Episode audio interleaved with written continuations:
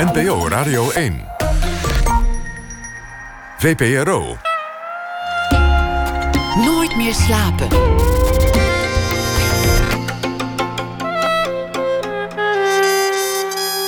Met Pieter van der Wielen. Goedenacht en welkom bij Nooit meer slapen. Wie is die man behalve dat hij zoveel weet?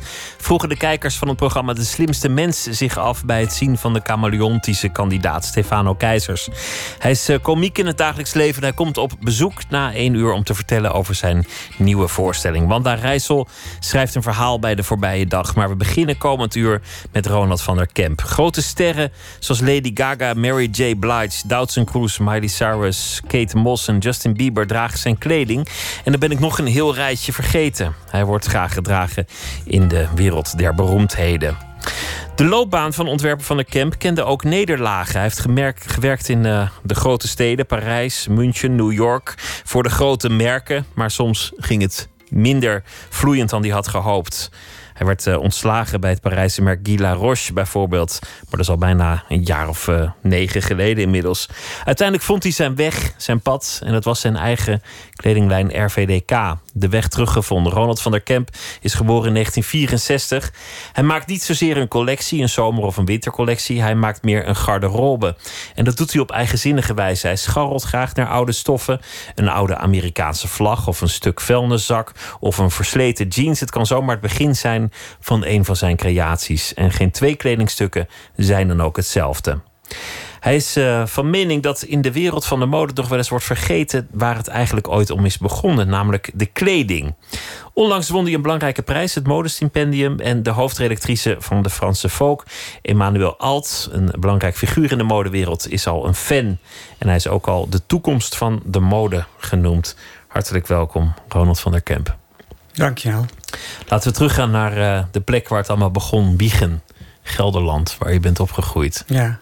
Je vader was ondernemer en je moeder maakte zelf ook wel eens kleding. Ja, dat klopt. Wat maakte ze? Uh, nou, kleding voor zichzelf en ook wel voor, voor mij eigenlijk af en toe. Weet, en, weet je nog hoe het eruit zag? Nou ja, zo'n 70s uh, rippak, oranje met een uh, bollerootje, zoiets. dat soort dingen. Maar uh, dat, dat is wat ik me nog kan herinneren. Maar verder kan ik me niet echt meer dingen voor de geest halen. En truien, truien breien. En dat ging ik op een gegeven moment zelf ook doen. En zo is het begonnen, hè? En wat voor ondernemer was je vader? Wat voor, wat voor zaak had hij? In, uh, in vleeswaren en conserven, zoals dat heette. Dus voorheen was hij kruidenier. Dus, maar, de, dus worsten en doperten? Uh, nou, geen doperten, nee. Maar uh, alles wat met, met, met, vlees te maken had. Vlees en snacks. Ja. En wat voor, wat voor omgeving was het? Hoe, hoe zou je dat duiden? nou ja, Wieg is een, een, een, een provinciale plaats. Een, een, redelijk grote plaats. Het is geen stad. En nou ja, een, een hele beschermde omgeving. Een hele prettige opvoeding. traditioneel. Gelovig? Um, redelijk gelovig, ja. Niet overdreven, maar we gingen zondag naar de kerk, katholieke kerk. En uh, nou ja, een, een, fijne familie wel. Oudere broer en zus. Prettige Maar ik had wel altijd zoiets van uh, dat ik uh, wel heel snel voelde dat ik, ja, dat ik daar weg wilde of zo. Maar waar ik, nee, waar ik heen wilde, wist ik niet. Maar ik, ik had wel het gevoel van er is wel meer in deze wereld. Dat, dat altijd wel. Er Heel onbewust, ja. Ja, er vandaan wilde ik, ja. Wat dacht je dat je zou worden toen je jong was? Nou, ik, uh, ik, ik wilde iets met theater. Ik heb ook uh, eerst op de dansacademie gezeten. En ik heb ook uh, nog auditie gedaan voor de Kleinkunstacademie toen. En ik, ik was ook een beetje ja, met toneel bezig. En ik dacht eigenlijk dat ik dat zou gaan doen. Maar dat dansen, dat ja, dat werd het hem niet. Ik, had, kreeg last van mijn rug en ik zou er nooit ver in gekomen zijn. Dus, uh, nou ja, ik was altijd dingen aan het maken, sowieso al, kleding. En uh, ja, dus dat is eigenlijk een beetje vanzelf gegaan of zo. En hoe kwam, hoe kwam die dans in het vizier? Waar, waarom ja, dacht dat je is dat een beetje voor, een voor Billy Elliot verhaal. Dat is niet iets wat, waar ik mee omringd was. Maar dat is meer een soort innerlijke drang die dan naar buiten kwam. Van uh, dat, ja, dat, dat, wilde ik. Dat, ik zag dat op tv en ik dacht van dat moet ik gaan doen. En het is niet iets wat nou uh, heel erg uh, normaal was toen. in die omgeving waar ik opgroeide. Maar ja, ik, ik moest dat gewoon doen. Dus ik, ik ging dat doen. En uh, met heel veel passie. Zoals ik ook nu mode doe. En uh, dat, ja, dat, dat ging een beetje zijn eigen leven leiden. Steunden je ouders je, je, in al je keuzes? Ja, best wel, ja. Als ik, daar, als ik er maar voor ging, dan was het goed. Ja, je moest er wel 100% voor gaan. Niet, niet halfslachtig, niet halfslachtig nee. Maar als, het, als ze echt zagen van, nou ja, dat, uh, dat wil hij... en hij gaat ervoor, dan uh, werd ik volledig gesteund daarin, ja. En hebben ze, hebben ze je altijd begrepen in de keuze die je maakte? Weg willen uit Wiegen, toch in een ander milieu terechtkomen dan het traditionele milieu? Begrepen uh, misschien niet, maar wel, maar ja, zoals ik bedoel, wel gesteund. En dus ja, en, en, ze zagen ook wel dat dat goed was, of dat ik daar gelukkig van werd. Dus dan was dat goed. Ja. Dans en kleding, daar hangt dan meteen al een soort cliché aan vast dat, dat het iets met geaardheid van doen zal hebben. Ja. Wist je dat al jong? Uh, ik denk ook onbewust wel, ja. ja. Maar ja, dat is, uh, ja dat, ik heb er ook nooit zo over nagedacht. Dat zijn allemaal van die dingen die, die uh, dat, dat gebeurde gewoon. En ja, dan kom je in een andere wereld terecht, zoals nou, ballet of, of mode. Dan is dat helemaal geen probleem. Dus voor mij is het eigenlijk nooit zo op die manier een, een, een issue geweest. Of dat, dat ging eigenlijk vanzelf. Was niet moeilijk om, om, uh, nee. om daarachter te komen? Nee. Geen, geen worsteling of zoiets? Niet echt, nee. nee. En om het je ouders te vertellen, omdat je, dat je het een traditioneel gezin noemde, was dat, was dat moeilijk? Nou, op het moment dat ik niet meer thuis woonde, vond ik dat niet zo moeilijk. Ja, ik bedoel, ik zag er denk ik wel tegenop, maar dat, dat is allemaal vrij, uh, vrij goed gegaan. Die deden daar ook niet, niet ingewikkeld over? Uh, nee, niet echt. Nee. Nee, die dachten gewoon, wat jou gelukkig maakt, jongen, dat, dat, is, precies, ja. dat is goed. Dat, dat, is, uh, dat is precies wat, wat het was, ja.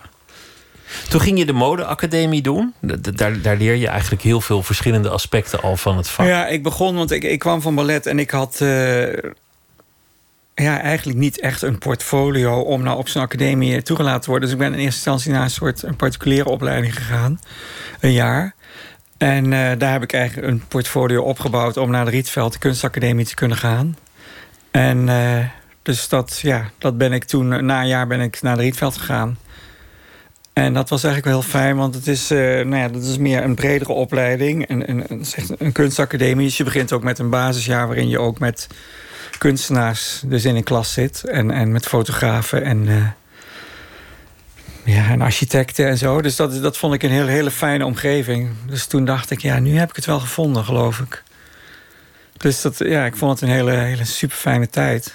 En die, die combinatie sprak jou aan. Dus de combinatie van het, van het uh, echte artistiek, het echte ontwerpen. Veel meer dan het, dan het heel erg toegepaste.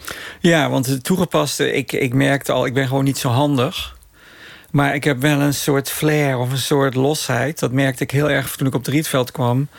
Ik kon nooit netjes werken, maar ik, ik, kon wel artistiek werken. En uh, ik had eigenlijk een, een, voorsprong op heel veel kunstenaars die in het, in het basisjaar zaten. Dat ik, ja, ik was heel erg vrij in mijn, in mijn, in mijn werk. Gewoon heel, heel los. Misschien ook door dat dansen, ik weet het niet. Maar dat, uh, ja, de, dat, dat was eigenlijk heel fijn om te ontdekken van dat dat eigenlijk kon en dat het goed was. Alleen in mode merkte ik wel dat het soms heel lastig werd. Er werd vaak wel heel erg verwacht dat je dingen op een, op een nette manier doet. Of op een, op een keurige manier presenteert. En uh, dan. Ja, dat, dat, dat gaf wel eens problemen, ook in mijn carrière of zo. Maar ik geloof dat ik nu, uh, na al die jaren, dat dan weer heb los kunnen laten. Zoals dat eigenlijk op de Rietveld was. Weet je wel, toen ik net begon. Dat je nou ja, een beetje vrijer gaat werken en denk van, nou ja, ik, ik ben nou eenmaal niet zo netjes, maar ik heb een andere kwaliteit en daar, daar doe ik het maar mee. Dus dat doe ik nu ook eigenlijk. Gewoon een, een uiting, een ja. idee brengen. Ja, een uiting en ook, ook op, op jouw manier, die misschien niet conventioneel is of die misschien tegendraads is, maar ja, dat, dat, uh, dat heeft wel veel meer persoonlijkheid in zich. En dat is een beetje wat ik, wat ik nu dan probeer te doen of probeer te doen. Dat gaat eigenlijk ook vanzelf. Het, allemaal, het, is, allemaal intuïtie. Het is echt iets van... Uh, nou ja, je hebt een talent gekregen en dat laat je naar buiten komen. Dat probeer je niet in te perken, zoals ik dat eigenlijk best wel heel vaak heb moeten of, of ook bewust willen doen. Maar nu is het meer zo van nee, nu laat ik het echt helemaal eruit komen. Tenminste, dat is ook niet altijd makkelijk, maar zoveel mogelijk. Laten we een grote stap nemen. De, de, de rest die behandelen we misschien tussendoor. Hoe je, hoe je leven is verlopen. Maar laten we gaan naar het heden. Ik noem aan het begin een, een, een grote rij uh, hele beroemde mensen. Lady Gaga, Mary J. Blige, uh, uh, Miley Cyrus. Dat, dat, zijn, dat zijn reusachtige namen. Die dragen jouw kleding. Hoe werkt zoiets? Tja, hoe werkt zoiets? Komen ze nou ja, rechtstreeks naar wereld... jou toe? Of kom jij naar hen toe? Of, of, of kopen ze het gewoon ergens? Of... Dat, dat verschilt. Het is natuurlijk een hele andere wereld dan eh, toen ik begon met mode. En sinds ik met mijn merk begonnen ben, is het natuurlijk. Eh, nou ja, de social media die zijn heel erg uh, belangrijk. En het is een hele soort. Ja, ik heb daar een soort dubbelheid in. Maar ik merk dat daardoor dingen heel snel kunnen gaan. Dus. Uh, als ik, uh, nou ja, ik, ik presenteer in Parijs tijdens Couture. Ik laat daar dingen zien. Um, dat komt dan op de site van uh, Vogue Runway. Dat is zeg maar nou, de site die, die alle reviews doet. Dat zien stylistes, dat zien uh, de sterren. Dus die, uh, ja, die reageren daarop en die zoeken je op op Instagram. Of die zoeken op wie je, wie je PR is. En die benaderen mijn PR dan van... ik heb dit en dit gezien. En nou ja, op zo'n manier gaat het rollen. En dan worden dingen geleend. Want zo gaat het meestal met sterren. Die lenen dingen. Die kopen geen broek, die lenen een broek. Nou ja, er zijn ook dingen. Bijvoorbeeld uh, Katy Perry, die, uh, die had gewoon uh, toen wij. De tweede collectie, die, of de tweede garderobe, zeg maar. Die hebben we verkocht door, ehm, met, met, met net porté En dat, nou ja, dat was een limited edition. En daar hadden we een, een, flag jeans. Dat was, die was dus gemaakt met de Amerikaanse vlaggen en, en ja, jeans, een combinatie daarvan. En die werd dus gekocht door Katy Perry. Um, omdat zij naar een uh, fundraiser ging van uh, Hillary Clinton voor de verkiezingen toen. En toen deed ze die broek aan, dus uh, daar hadden we eigenlijk niks mee te maken. Die, die kocht hem gewoon, punt. En die deed hem aan, klaar. Maar in andere gevallen dan, dan worden dingen geleend. En, of soms worden ook wel eens dingen gevraagd van... kun je iets speciaals maken voor een gelegenheid? Dat, dat komt ook voor. Um, ja, en daarin ja, ben je een van de vele merken die dat proberen. En uh, ja, ik vecht dan als, uh, nou, ik zeg steeds als, als een klein keffertje tegen de grote modedinosaurussen. Want bedoel. Uh, maar hoe belangrijk is dat, dat, dat een beroemdheid jouw broek of jouw jasje draagt? Hoe, wat, doet dat voor jou? Nou, het is heel belangrijk, want ja, mensen zien dat. En het geeft een soort seal of approval, weet je wel. Dan ben je, dan, dan, oh ja, nou, dan wordt het wel serieus genomen. Dat, dat zijn de, de, de, de lichtende voorbeelden ja, ik denk dat heel veel mensen zien het dan. dan ik bedoel, als heel veel mensen uh, het zien, dat, men, dat, dat een ster dat draagt, dan betekent dus dat dat oké is. Want die ster die kan natuurlijk alles dragen. En die, weet je, die kan ook, uh, ja, die, kan een, die kan een Chanel, die kan, uh, hè, die kan Valentino, maar die kan ook, ja, dus een RVDK dragen. En dat doen ze dan. Dus dat is natuurlijk, dan zit je opeens in een andere league. Dan hoor je erbij. En um, je merkt dat, dat heel veel mensen je daardoor nou ja, meer op waarde gaan schatten of zo. En dan neem jij toch maar op tegen de, de, de, de hele grote merken, eh, Gucci, Armani, uh, Chanel of, of, of andere grote ontwerpers. Of, ze kunnen natuurlijk alles kiezen om aan te doen.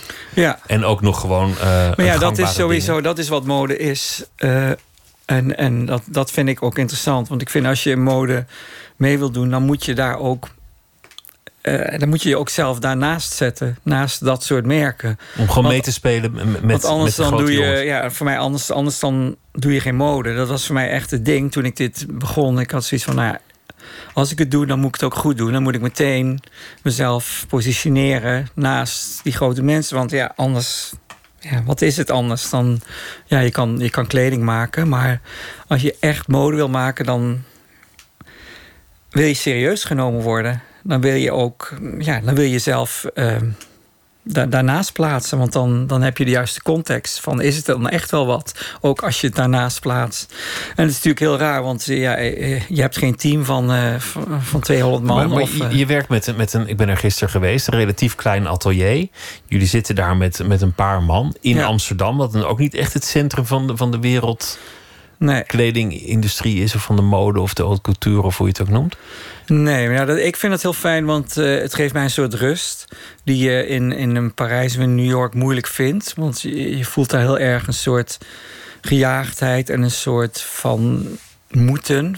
Omdat andere mensen bepaalde dingen doen, heb je het gevoel dat jij dat ook moet doen. Terwijl in Amsterdam voel ik een soort rust van, uh, nou ja, ik doe mijn ding. En op de juiste momenten ga ik naar Parijs, dan laat ik zien wat ik doe. En dan ga ik weer terug. Dan trek ik me weer terug. Dat geeft mij gewoon uh, een, kans om het heel rustig te ontwikkelen op mijn manier. En uh, zonder het gevoel te hebben dat ik moet doen wat andere mensen ook doen. Weet je, dat, dat is... maar, maar als jij naar Parijs gaat, dan, dan, dan, dan is uh, een paar keer per jaar is daar iedereen die, die schrijft over mode of die inkoopt voor, voor grote warenhuizen of het op een andere manier toe doet aanwezig. Ja. Die hebben allemaal haast. Die moeten langs al die, die toplocaties van, van de hele grote merken, waar Ja. ook weer een, een handel in beroemdheden is. En een, en in, eh, een handel in soirées waar je graag gezien wordt. Hoe ga jij die strijd daar dan aan? Als, als toch, toch kleine jongen. Nou ja, eh, vooral bij jezelf blijven, dat is één. Ehm, Maar hoe lok je al die mensen naar jou toe? Nou ja, niet al die mensen. We zijn begonnen, of, de, of mijn strategie was... van eh, we beginnen met een hele kleine toplaag... en die ga ik proberen te bereiken. En eh, ik, ik, ik heb toen met, met een aantal PR's gesproken... en één PR die kende mij van werk... wat ik voor andere mensen had gedaan. En daar had ik meteen een klik mee. En toen heb ik gezegd van, nou ja, die eerste presentatie... eh, voor mij hoeven maar tien mensen te komen... En misschien nodigen we er twintig uit...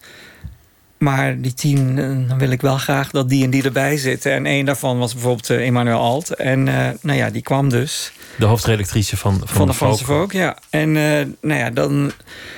Die was meteen... Die, die snapte heel erg waar ik mee bezig was. En die, die had zoiets van... Ja, dit, is- dit is wat, wat, het, wat het moet zijn nu. Dus die, die gaf mij meteen ook echt... eh, ja, echt een, een schouderklopje van... Nou ja, dit is wat ik wil zien. Dit is heel goed. En... eh, nou ja, dat was, dat was natuurlijk heel leuk. Want nou ja, door haar ook. En, en er waren nog een aantal mensen. Want er kwam meteen iemand van, ook van, eh, van de Amerikaanse Vogue. En eh, ja, er zijn een aantal mensen toen geweest. Niet heel veel mensen. Maar dat zijn allemaal mensen geweest die best wel een invloed hebben in de mode. En die mensen die, die gaan dan een beetje om zich heen praten. Volgende keer kwamen er natuurlijk wat meer mensen. En nu zijn we zover dat we denken van... nou, nu wil ik wel een show gaan doen. Want eh, nu, eh, hè, nu, nu heb ik de naam wel zo gevestigd... dat, dat er genoeg aandacht voor is. Want het begon met een soort privé-presentatie. Gewoon Ja. van je kleding. Niet echt een show in een, met, Nee. een, met ik, harde muziek. ik wilde ook geen show doen, want het, het heeft denk ik weinig zin... als je niet eh, heel bekend bent. Want ja, dan, dan heb je een show en dan komt er niemand. Of dan, kom, eh, dan zit je familie op de eerste rij. Of, of, of een bus vol, met geld. Of een bus vol Nederlanders. En eh, ja, daar heb je niks aan. Weet je, dan, dan doe je gewoon een soort... dan fake je dat er iets aan de hand is. Maar ik denk van als ik het doe, dan moet het gewoon echt zijn. Dus ik vind het belangrijk om contacten op te bouwen. En ik had ook echt een verhaal, of dat, dat heb ik, eh, met, met wat ik doe. Plus dat die kleding, als je die van dichtbij bekijkt... en weet je wel, dan zit er echt wel iets aan om over te vertellen. Dus dat, dat kwam heel mooi samen. Dus je hebt een, een, een eh, je ontmoet iemand... En eh, nou, daar, daar kun je mee praten. En daar kun je ook dingen laten zien. En daardoor bouw je ook een soort contact op. En eh, nou, dat contact is heel waardevol. Als dat de juiste mensen zijn natuurlijk. Het, zijn, het eigenlijk- waren mensen die ik be- bewonderde. En waar ik heel, ja, heel veel respect voor heb. Dus nou ja, en als zij dan een omgekeerd respect tonen... dan is dat een hele fijne wisselwerking. En dan voel je gewoon, nu, nu bouw ik iets op. En op zo'n manier hebben we het gedaan. Maar eigenlijk zijn er een paar mensen in de hele wereld. Nou ja, nog niet eens een provinciestad, nog niet eens een dorp, maar misschien een gehucht met mensen, of misschien zelfs een, een, een stamcafé vol mensen die bepalen wat, wat ertoe doet in de mode. Die bepalen welke kleding relevant is, waar het naartoe Ja. gaat. Ja. Dat is wel een beetje zo. Dat is wel een, eh, een beetje wat aan de hand is. En daar kunnen natuurlijk, daar zijn steeds, er is wel steeds vernieuwing in. En er zijn steeds eh, stromingen daarin. Maar eh, ja, er, er zijn wel een aantal mensen die. en Ja, je hebt een soort gevestigde orde. En daarnaast zijn er natuurlijk steeds nieuwe geluiden. Dus de New York Times, de Vogue, een, een paar grote sterren, een paar ja, grote, je hebt een aantal huizen. zeer invloedrijke ook stylistes. Want eh, mode is niet alleen, het zijn niet alleen de, degene die de recensenten, want die heb je.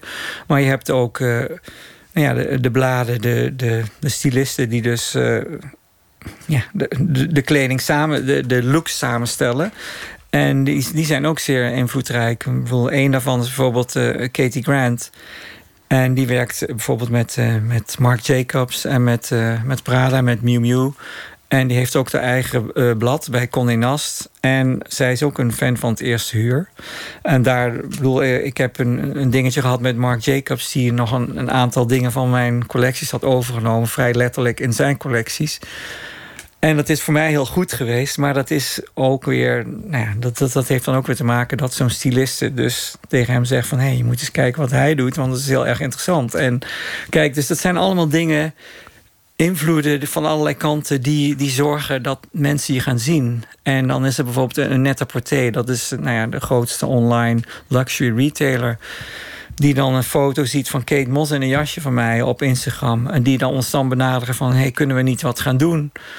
En nou ja, dan ga je daarmee praten. En dat, dan, weet je, dan komen al die dingen samen. Dan heb je... Maar dan moet er nog, nog geld verdiend worden. De kachel moet roken, de huur moet dat betaald worden. Dat is dus uh, het voorbeeld ik zeg. Um, Want jij, jij, jij, hebt niet een, een, soort, een soort lijn. Dat even voor de duidelijkheid. Het, is niet zo dat mensen naar de winkel kunnen gaan en zeggen... nou, dat klinkt hartstikke leuk. Ik, ik ga een, een, uh, een RVDK jasje kopen of zo. Zo werkt het ook weer niet. Dat kan inmiddels wel. Um, want we doen uh, limited editions. Dus van, uh, nou, we presenteren een garderobe en daarvan uh, worden een, een, aantal dingen, best wel een groot aantal, in, in kleine oplagen gemaakt. En die oplages die verkopen we nu inmiddels nou ja, vanaf volgend seizoen in, in tien verschillende winkels. We hebben echt in alle grote modesteden nu één partner gezocht. Dat is ook eh, een onderdeel van de strategie. Je kan natuurlijk veel sneller gaan, proberen zoveel mogelijk te verkopen. Maar we willen gewoon de juiste plekken. Uh, maar het is, het is schaarse kleding. Het is, het is, niet het is, uh, kleine oplages, ja, daardoor exclusief. hoge prijzen. Dat, ja. het, is, het is heel exclusief. Lukt het om daarmee uit de kosten te geraken? Het is een wat indiscrete vraag, maar, maar, maar kan, je er, kan je er goed van leven? Nou, Als je er goed van leven, een modemerk neerzetten, dat vraagt, dat vraagt een investering. En uh, dat, dat is, uh, nou ja, daar staat zeg maar, nou ja, daar staat vijf jaar voor, voordat je een beetje geld kan verdienen. Maar um, wat wij nu doen is um, zorgen dat het bedrijf draaiende blijft, is door, door de verkopen die we doen. En dat zegt niet dat, dat wij geld verdienen. En wij, dat zeg ik, eh, de drie partners. Die, waar ik, nou ja, dat ben ik zelf en, en Mirjam Baks en uh, Jan je, je, bent aan het bouwen nog? Ja, wij zijn aan het bouwen. En uh, we zijn een merk aan het neerzetten. En dat is, dat is onze strategie. En met, het, nou ja, met, met die winkels waar we verkopen, daar, daardoor houden we de boel draaiende. Maar het is niet dat wij nu met een hoop geld naar huis gaan. Nee, dat, dat is niet het geval. Maar dat is ook niet uh, reëel, omdat binnen, nou, het is nu 2,5 jaar. Dat is eigenlijk wat er nu gebeurd is. Dat is ontzettend snel. Dat is eigenlijk wat je niet had durven dromen in het begin. Mary J. Blige was ook een, een, een persoonlijke held van jou. Je, je hield van de muziek. Ja. Uh, je, je had iets met, met, met de vrouw. En op een dag staat zij op de stoep ja. Ze belt gewoon aan bij jouw atelier. Nou zo, zo ging dat niet helemaal. Er wordt wel eh, gebeld van tevoren, neem ik aan. Ja, dat was via weer een, een, eh, een stylist die in New York werkt. En dat is Edward Annefel, die werkt met veel sterren ook. En die, doet, ehm, die is de fashion director voor W Magazine. Dat is een van de grote bladen in de, in de Verenigde Staten. En hij, uh, ja, hij, hij contacteerde me. Hij zegt van ja, Mary J. Blige die is op zoek naar wat, wat, kleding voor... Uh, de optredens. Want ze heeft met. Nou, ze was dus op reis met een garderobe en daar was ze helemaal niet blij mee. En nou, ze had zijn hulp uh, ingeroepen om, ja, om, om wat andere kleding te vinden. En het moest allemaal vrij snel gebeuren. Dus ze was in Amsterdam. En toen, ja, toen kwam ze dus bij ons langs. En in eerste instantie een beetje zo van... ja, waar ben ik beland en wat is dit? Want ze wist natuurlijk, ze had geen idee wie ik was. Maar dat was um, eigenlijk heel erg leuk. Want ja, we hadden een aantal dingen besproken met die stylist. Van wat ze waarschijnlijk wel leuk zou vinden. Nou, dat vond ze dus helemaal niks. Maar toen dacht ik, nou, dan zie je iemand en dan voel je wel van, nou, volgens mij moeten we deze kant op. En toen uh, nou ja, had ze een, een, een leren smokingjasje aan. Dat vond ze geweldig. En toen zei ze van, ja, yeah, now I want shorts. Nou, shorts hadden we niet, maar ik zei, nou, trek deze broek maar aan. We hadden gewoon een, een, een leren pantalon, smokingpantalon. En die hebben we gewoon afgeknipt. En uh, nou ja, en daarna uh, heeft ze nog wat dingen uitgezocht. En toen, nou ja, de dag erop stond ze dus in, in de, in de Ziggo Dome te, ja, dat podium op en neer te rennen in die outfit. Dat was natuurlijk geweldig. En ook in Londen. En, dus dat, ja, dat was heel leuk. Het was ook een hele leuke ontmoeting. En zoveel power. En, en het is heel bijzonder als je dan nou, die dag erop het eerste rij bij zo'n concert zit. En dan loopt ze dan rond in je kleding. Dat vond ik echt wel uh, een kick. Ja. We gaan luisteren naar een, uh, een nummer van haar. Dat heet uh, Therapy. Why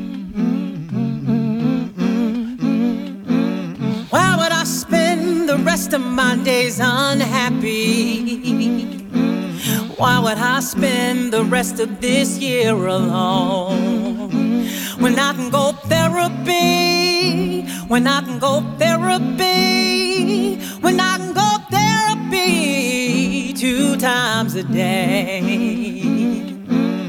Why would I spend the rest of this week so bitter? And all that listening is making you bitter too. When I can go therapy, when I can go therapy, when I can go therapy two times a day.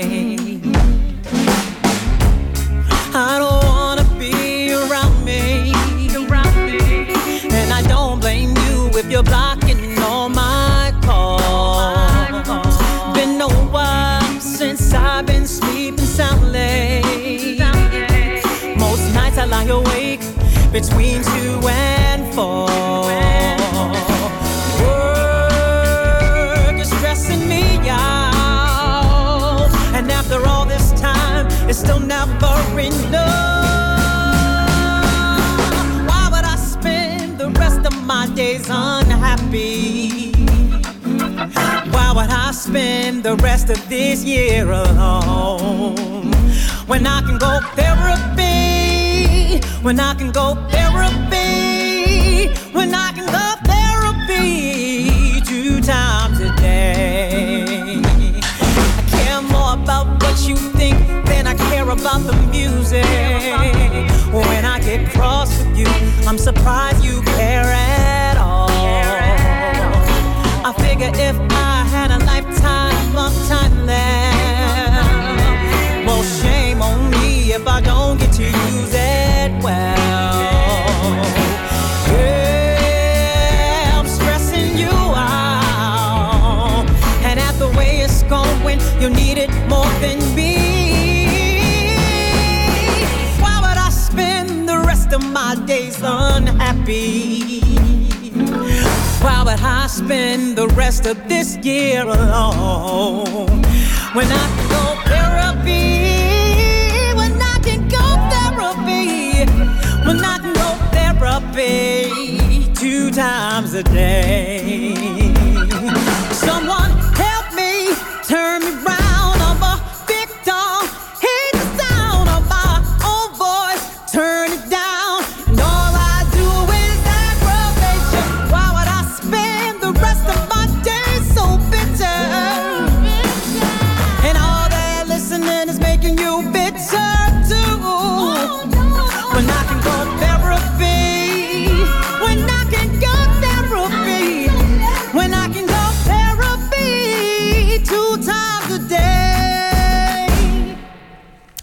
Mary J. Blige met het nummer Therapy van de London Sessions uit 2014. Ronald van der Kemp zit tegenover mij van zijn eh, eigen merk RVDK. En eh, Mary J. Blige is een van de artiesten die eh, zijn kleding draagt. We hadden het over, over het begin van je leven. Dat je, dat je op een gegeven moment had gevonden wat je leuk vond. Kleding, maar dan eh, echt als een uiting. Niet, niet zozeer dat toegepaste. De, de Rietveld, de, de, artistieke inslag. Maar dan kom je daar vanaf. En, en dat lijkt me een ingewikkeld punt. Want dan, dan moet je gaan werken. En dan zijn er heel veel plekken waar je terecht kan. Maar dat zijn eigenlijk al meteen plekken die een beetje afvallen. Omdat je daar niet datgene kan doen waar je, waar je voor gekozen hebt. Want je had natuurlijk makkelijk eh, eh, iets in de kleding kunnen gaan doen. Vast wel. Maar dat was niet wat je wilde.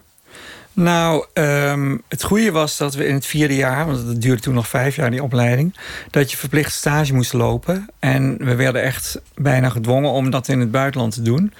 Dus, nou ja, naar Parijs. En eh, daar leer je al meteen dat er dus heel veel dingen niet, niet zijn zoals je denkt dat ze zijn. Want je, je moet dus werk gaan zoeken. Dus je gaat proberen bij al die bekende namen binnen te komen. En dan merk je heel erg dat het heel erg te maken heeft met wie je kent of hoe je bent. Of, het is heel erg. Het heeft niet vaak niet eens zo heel veel te maken met wat je doet of met je werk of zo in eerste instantie om binnen te komen. Dus eh, dat vond ik al een hele wijze les. Best gesloten wereld is ja, het. zeker in Parijs vond ik dat toen. En ehm, nou ja, dan op een gegeven moment eh, loop je dan toch stages. En dan zie je ook hoe het eraan toe gaat. Dus dat is echt zo best wel een klap in je gezicht een beetje. Weet je, want eh, ja, je hebt natuurlijk een enorme voorstelling. Maar dan, dan, dan zie je gewoon de realiteit. Was het een teleurstelling, zeg je dat? Nou, niet een teleurstelling, maar wel dat ik dacht van... oh, dit is, ja, dat is wel heel pittig of zo. Maar ja, dat is ook wel goed, want je merkt van... je moet zo gedreven zijn om dit te willen doen. Ik bedoel, heel veel mensen willen in de mode... maar ik bedoel, je moet echt gewoon het heel, heel erg graag willen... want anders dan wordt het niks. Want het is gewoon echt niet makkelijk. Zeker niet als je... Nou ja, als je misschien in Frankrijk van een bepaalde familie komt... Of, en eh, je hebt ingangen, dan kom je er makkelijker in. Maar als je gewoon nou ja, uit Wiegen komt en zo... Hè, wel eh, leuk. En eh, ja, je kan wat talent hebben... maar er zijn honderdduizend mensen met talent. Dus het is gewoon heel... eh, het is heel, best wel lastig. Dus dat realiseerde ik me wel. Je Ja. woonde een tijd in Parijs, een tijd in München, een tijd in New York. Je hebt gewerkt met, met, met hele grote merken, samengewerkt met hele grote ontwerpers. Eh, Je hebt eh, nou ja, eigenlijk alles gezien wat er te zien is in die wereld van, van de mode. En ook, ook best je successen behaald. Ja. L- lange tijd. Maar, maar, maar er zijn ook afknappers geweest. Ik noemde al het ontslag dat heeft, heeft plaatsgevonden. Ja, dat klinkt nogal, eh, dat, dat klinkt nogal dramatisch. En dat is. eh, Het was ik- toch ook wel dramatisch, of niet? Ja, dat, dat was ook best wel dramatisch. Maar ja, ontslag, dat klinkt heel erg. En dat is, dat is tegelijkertijd het probleem met zoiets van... Dat geeft heel erg een, een, een bijsmaak van... je hebt iets verkeerd gedaan, dus word je eruit gegooid. Terwijl, ja, mijn situatie was, een, was een hele rare situatie. Ik, ik kwam... eh, ik was door een headhunter uit New York gehaald... om ehm, de opvolger te worden van Albert Elbas bij Guy Laroche. Dat was best wel een big deal. En dan word je uit nou ja, een, een hele grote pool van mensen geselecteerd. En dan doe je een proefopdracht en nog een proefopdracht. En uiteindelijk word jij dan degene die het gaat doen. En dan kom je dus naar Parijs. En ik kwam binnen een, een, een, een Frans couturehuis, een klein couturehuis. Wat eigenlijk op dat moment een beetje gedesillusioneerd was. Want hun favoriete ontwerper, dat was toen Albert, die ging toen naar Yves Saint Laurent. Dus eh, iedereen was zo van, eh, nou, hè, we zijn eh, iets aan het bouwen en die man gaat weg. Dus er was niet een hele goede sfeer. En ehm, degene die mij aannam, die was eigenlijk bezig om weg te gaan naar een andere baan. Dus ik kwam daar binnen, maar dat, wist ik natuurlijk niet. Ik ging gewoon mijn droombaan. Ik ga Frans couturehuis doen en dat is natuurlijk geweldig. Maar de hele sfeer en de hele. De, de zaken gingen ook niet zo goed. Omdat iedereen, alle inkopers natuurlijk bang waren. Omdat er, dat er een, een verandering kwam. Dus ik kwam daarin. En eh, ja, ik, ik zat daar met een team wat niet helemaal mijn team was. En Er is natuurlijk bij zo'n groot huis ook wel altijd wel een soort tegenstelling tussen het geld, de, de mensen die gaan over, over, over de handel, en de creatieve afdeling, de mensen die, die ontwerpen. Daar moet enorm vertrouwen zijn tussen die twee. Nou, dat was in zo'n in zo'n huis is dat, is, was dat niet zo hoor. Dat was heel erg gericht op. Je had de, de, crea- de createur, weet je wel, dat was ik dan. En eh, iedereen, daar draaide alles omheen. En dat was ik helemaal niet gewend. Ik kwam uit New York. Ik was gewoon gewend van. eh, nou ja, je werkt samen met, met al die businessmensen. En in New York, als je het, eh, if you can make it there, you can make it anywhere. Dus ik dacht van, nou, ik ben het wel gewend met al die types en al die mensen die zeggen wat je moet doen en niet moet doen. En, maar in Frankrijk is het juist heel anders. Daar, jij bent degene die alles moet doen. Of tenminste, alles, iedereen kijkt naar jou voor eh, van, nou ja, dit is waar we naartoe gaan met het bedrijf. En dat is best wel een, een- dat is voor mij best wel een shock. Maar het rare is dat degene die mij dus aannam, die ging dus eigenlijk bijna naar, of na één seizoen ging die weg. En er kwam iemand nieuws. En die, die nieuwe, die wilde helemaal niet met mij werken. Die wilde gewoon een heel ander team. Dat had helemaal niks met mij te maken. Maar dat is gewoon, ja, als je een nieuwe CEO hebt... die denkt van, ik neem mijn eigen mensen mee. Dus dat is wat er gebeurde. Dus ja, toen was ik zo verdwenen. En dat, dat had niks met mijn werk te maken of zo. Maar dat is, ja, die bijsmaak dat- krijg je dan. Dat is voor mij wel een, een, eh, een klap geweest. Omdat je, je hebt alles opgegeven, leven in New York. Ehm, je bent voor de voor de leeuwen gegooid, voor de pers. De, de- nou ja, ik moest alle wereld, de modewereldpers ontmoeten toen. En eh, ja, dan lig je na één seizoen lig je eruit. Dus iedereen vraagt zich af, ja, wat is er gebeurd? Maar weet je, dat verhaal kan je niet vertellen, want die, die kans krijg je niet. Dus je, ja, je, je zakt eigenlijk een beetje zo weg. Maar hoe heeft, hoe heeft jou dat beïnvloed om, om, eh, om, om zeg maar. Nou ja, zoveel hoeken te zien van die mode. Het bedrijf Ja. echt te leren kennen. Ook de harde kanten. Ook, Ja. ook de, de haast die erin zit. Misschien ook de, de, de minder achtzame kanten van het modevak te leren kennen. Ja. En ge- geleidelijk aan, want, want dat idee heb ik een beetje... ook je, je liefde voor de kleding eh, ja, te moeten, moeten corrumperen in, in die hoek. Eigenlijk merken dat, dat je daar minder aan toe komt. Nou, je probeert toch altijd, want eh, je hebt een soort passie en een soort drive. En daardoor begin je elk seizoen, begin je weer, tenminste zo ben ik. In welke situatie dan ook, wat voor een bedrijf het ook was. Ik probeer elk seizoen gewoon met frisse moed weer te doen waar ik in geloof. Binnen die, ja, natuurlijk binnen de, de perken van wat dat bedrijf moet doen of wil doen of welke kant het op moet gaan. Maar je probeert wel steeds daarin je eigen ei te leggen. En dat is soms wel heel frustrerend, want dat werkt niet altijd. Maar dat probeer je wel altijd weer opnieuw. Dat is iets, eh, ja, dat, dat blijft gewoon. Dat merk ik aan alles. Dat is elke keer weer opnieuw. eh, heb ik dat enthousiasme als ik weer ergens aan begin. En dan heb je in een heel groot bedrijf heb je dan zoveel mensen die ook hun ei willen leggen. Waardoor dingen heel erg afgezwakt worden. Of ja, in een kleiner bedrijf heb je meer kans dat je je richting door kan duwen. Dus het is een beetje. Ja, je moet het een beetje aftasten. Nu, nu, kan, je, nu kan je helemaal je stempel drukken. Nu, nu kan je maar gewoon nu, nu, ben ik de enige, nu is de enige vijand ben ik eigenlijk mezelf. Want het is soms best lastig om, eh, om daarin die vrijheid te blijven houden. Omdat eh, ja, je- weet zoveel ook. Als het nu mislukt, dan ben je het helemaal zelf. Maar als het slaagt, dan komt het ook helemaal door jezelf. Maar, maar saai zal het niet worden. Nee, dat is het zeker. Het is, het is heel opwindend. En het is ook spannend, want ik vind het zelf elke keer heel spannend, omdat ik ook nooit weet waar het naartoe gaat. Ik werk ook op een heel andere manier dan ik altijd gewend ben om te werken, zoals de meeste ontwerpers werken. Ik werk niet met een thema of met een. eh, want dat is een houvast wat je dan hebt in het begin van het seizoen. Als je een thema hebt, dan weet je eigenlijk al waar het naartoe gaat. Maar bij mij is het altijd heel erg een soort intuïtieve zoektocht. En het zijn, het, ik maak geen collecties, maar garderobes. Het is een heel andere manier van werken. Dus uiteindelijk weet je nooit helemaal goed wat je gaat krijgen. En op een gegeven moment heb je dan zo'n verzameling van kleding. En dan, ja, nu geloof ik wel van, oké, nou, ik krijg het altijd wel op de een of andere manier voor elkaar. Maar het blijft altijd spannend. En je denkt van misschien dat het dit keer niet lukt. Of dat het eh, een hele rare bende is. Of dat het er niet uitziet. Of weet je, dat, die spanning eh, die zit er altijd in. Maar dat geeft ook dat je, dat ik denk ik een soort opwinding in die kleding kan creëren. Die mensen ook voelen. Omdat het iets onverwachts heeft. Ook voor mezelf nog. Dus, nou ja. Het, het gekke aan mode is natuurlijk dat, dat, er, dat er steeds nieuwe mode is. De kleding is nog niet versleten, maar de mode is al, al ver achterhaald. Dat, dat, eh, nou ja, dat, dat, dat zit een beetje in de, in de aard van het, van het bedrijf. Het is daarmee een heel verspillende eh, industrie, Ja. in feite. ja, dat is Ehm, verschrikkelijk. het, is, het is daarmee ook een, een, eh, een gehaaste en dus wat oppervlakkige industrie. Want het, het moet maar door. Ja. De manier waarop jij kleding maakt, je gaat, je gaat naar tweedehands eh, stoffenmarkt of je koopt oude collecties eh, dingen op of je Ja. gaat op zoek naar gebruikte materialen, een Amerikaanse vlag.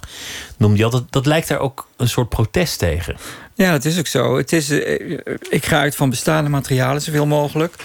Dus, want ik denk, er is, er is al genoeg op deze wereld wat ik kan gebruiken. En dat vind ik ook eigenlijk heel fijn, want daardoor werk je gewoon met dingen die je tegenkomt. In plaats van dat je zegt van ik ga iets laten maken meteen. Een, stof of een, of een, een print of een. Hè? Je, je, je vindt gewoon dingen en daar ga je het mee doen. Die kan je wel bewerken of zo. Maar dat gaat heel erg ook tegen in die, die, die fast fashion. En eh, nou ja, de fast fashion die heeft nu ook de, de luxury fashion beïnvloed. Want bedoel, alle grote modehuizen doen eh, zes collecties per jaar. En, eh, en met daarbij de enorme modeshows, waarbij de hele pers wordt ingevlogen van. Nou ja, de ene keer is het Seoul, de andere keer is het eh, Cuba. En dan is het weer, weet je, dat, dat gaat maar door. En dan denk je op een gegeven moment, waarvoor? Waar moeten al die kleren naartoe? Dat, er is niet eens tijd genoeg om ze te verkopen. En, dat- om dat- de eigen markt niet te verzieken, wordt alles vernietigd dat niet wordt verkocht vaak ook. Ja, nog. bij de, bij de echte grote merken die niet in de uitverkoop willen, gebeurt dat. En andere merken hebben hun outlets. En dat is natuurlijk heel populair nu, want iedereen koopt in die outlets. En kleding is, is een heel moeilijk ding op zich. Kleding verkopen is heel moeilijk.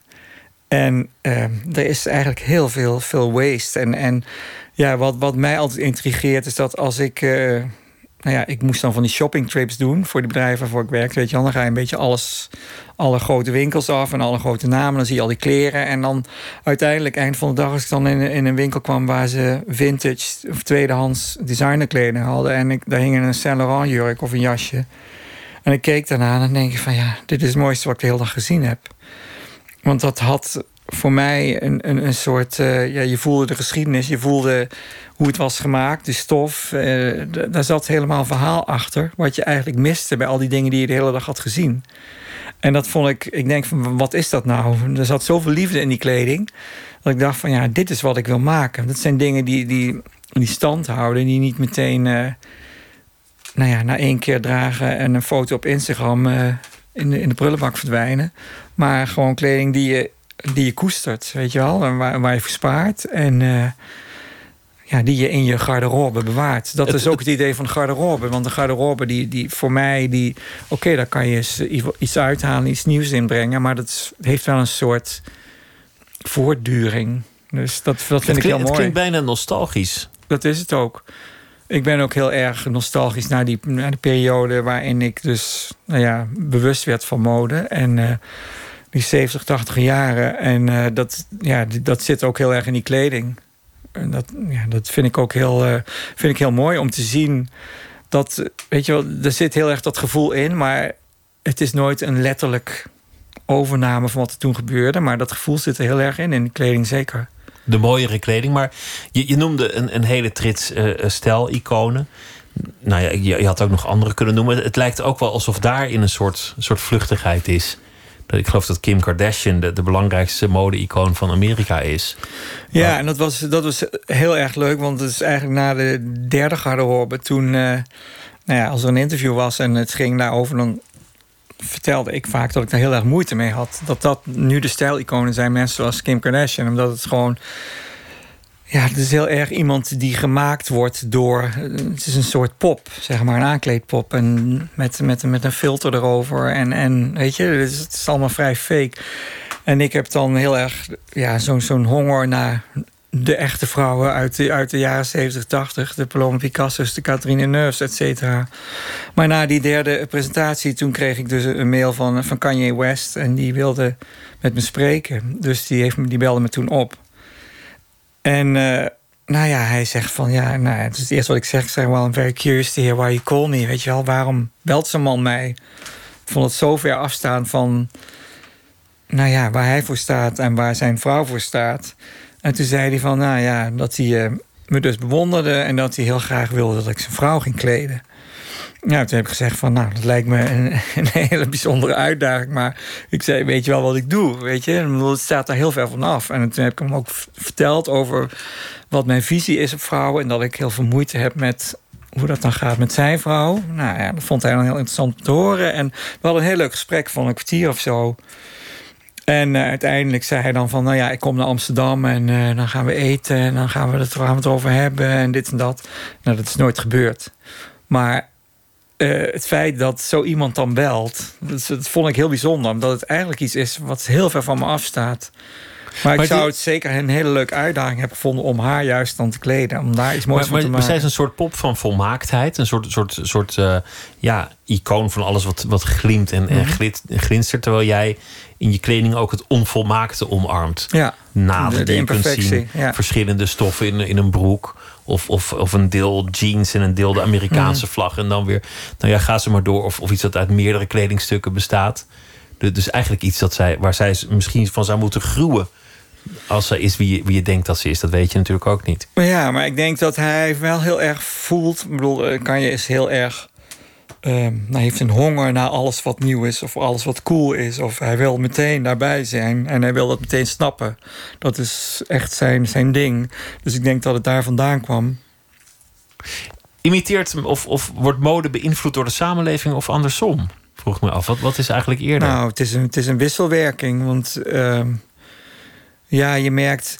Je, je, aan bepaalde dingen merk je gewoon wel in mode heel snel... van waar dingen naartoe gaan. Ik bedoel, ehm, ja, als je het dan hebt over een bepaalde oppervlakkigheid... of een bepaalde schreeuwerigheid... weet je wel dat mensen heel erg behoefte hebben aan dingen die heel luid zijn... en heel overpowering. En dat mensen steeds maar nieuwe images willen zien, nieuwe beelden willen zien.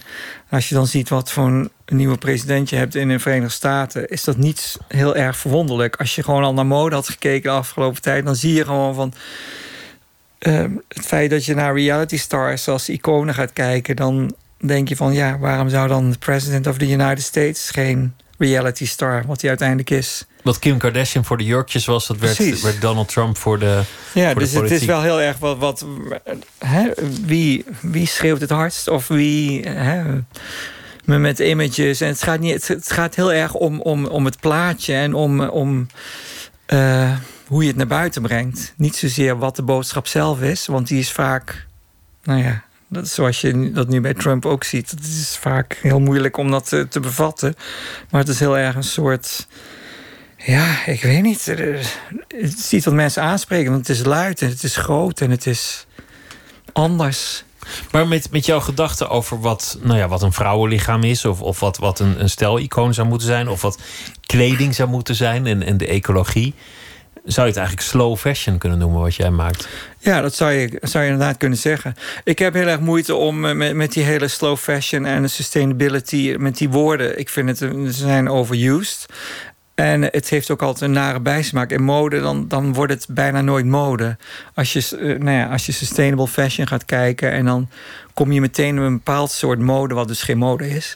En voor mij is het heel belangrijk om echt mode te maken. En daarnaast, ja, hoe ik dat doe... dat is op, op, een, op een misschien een sustainable manier. Maar uh, dat is niet wat ik in eerste instantie naar buiten wil dragen. Want het gaat uiteindelijk om die mode. Ik wil niet, dat, ik wil niet dat mensen zien dat het gemaakt is met, uh, nou ja, met, met, met bestaande materialen. Ik wil uh, gewoon dat mensen het cool vinden. En dat ze gewoon denken van eh, ja, dit is.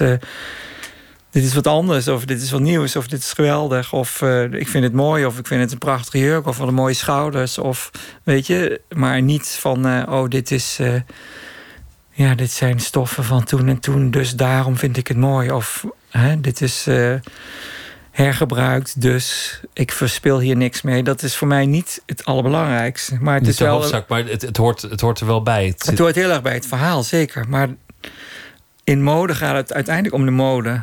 En ik, ik, vind, ik wil gewoon een, positief voorbeeld geven van zo kan het ook. Jongens, het hoeft niet allemaal. Uh, in overvloed en, en productie te gaan. Het kan ook op een rustige manier en met, met iets meer aandacht. En dat is, ja.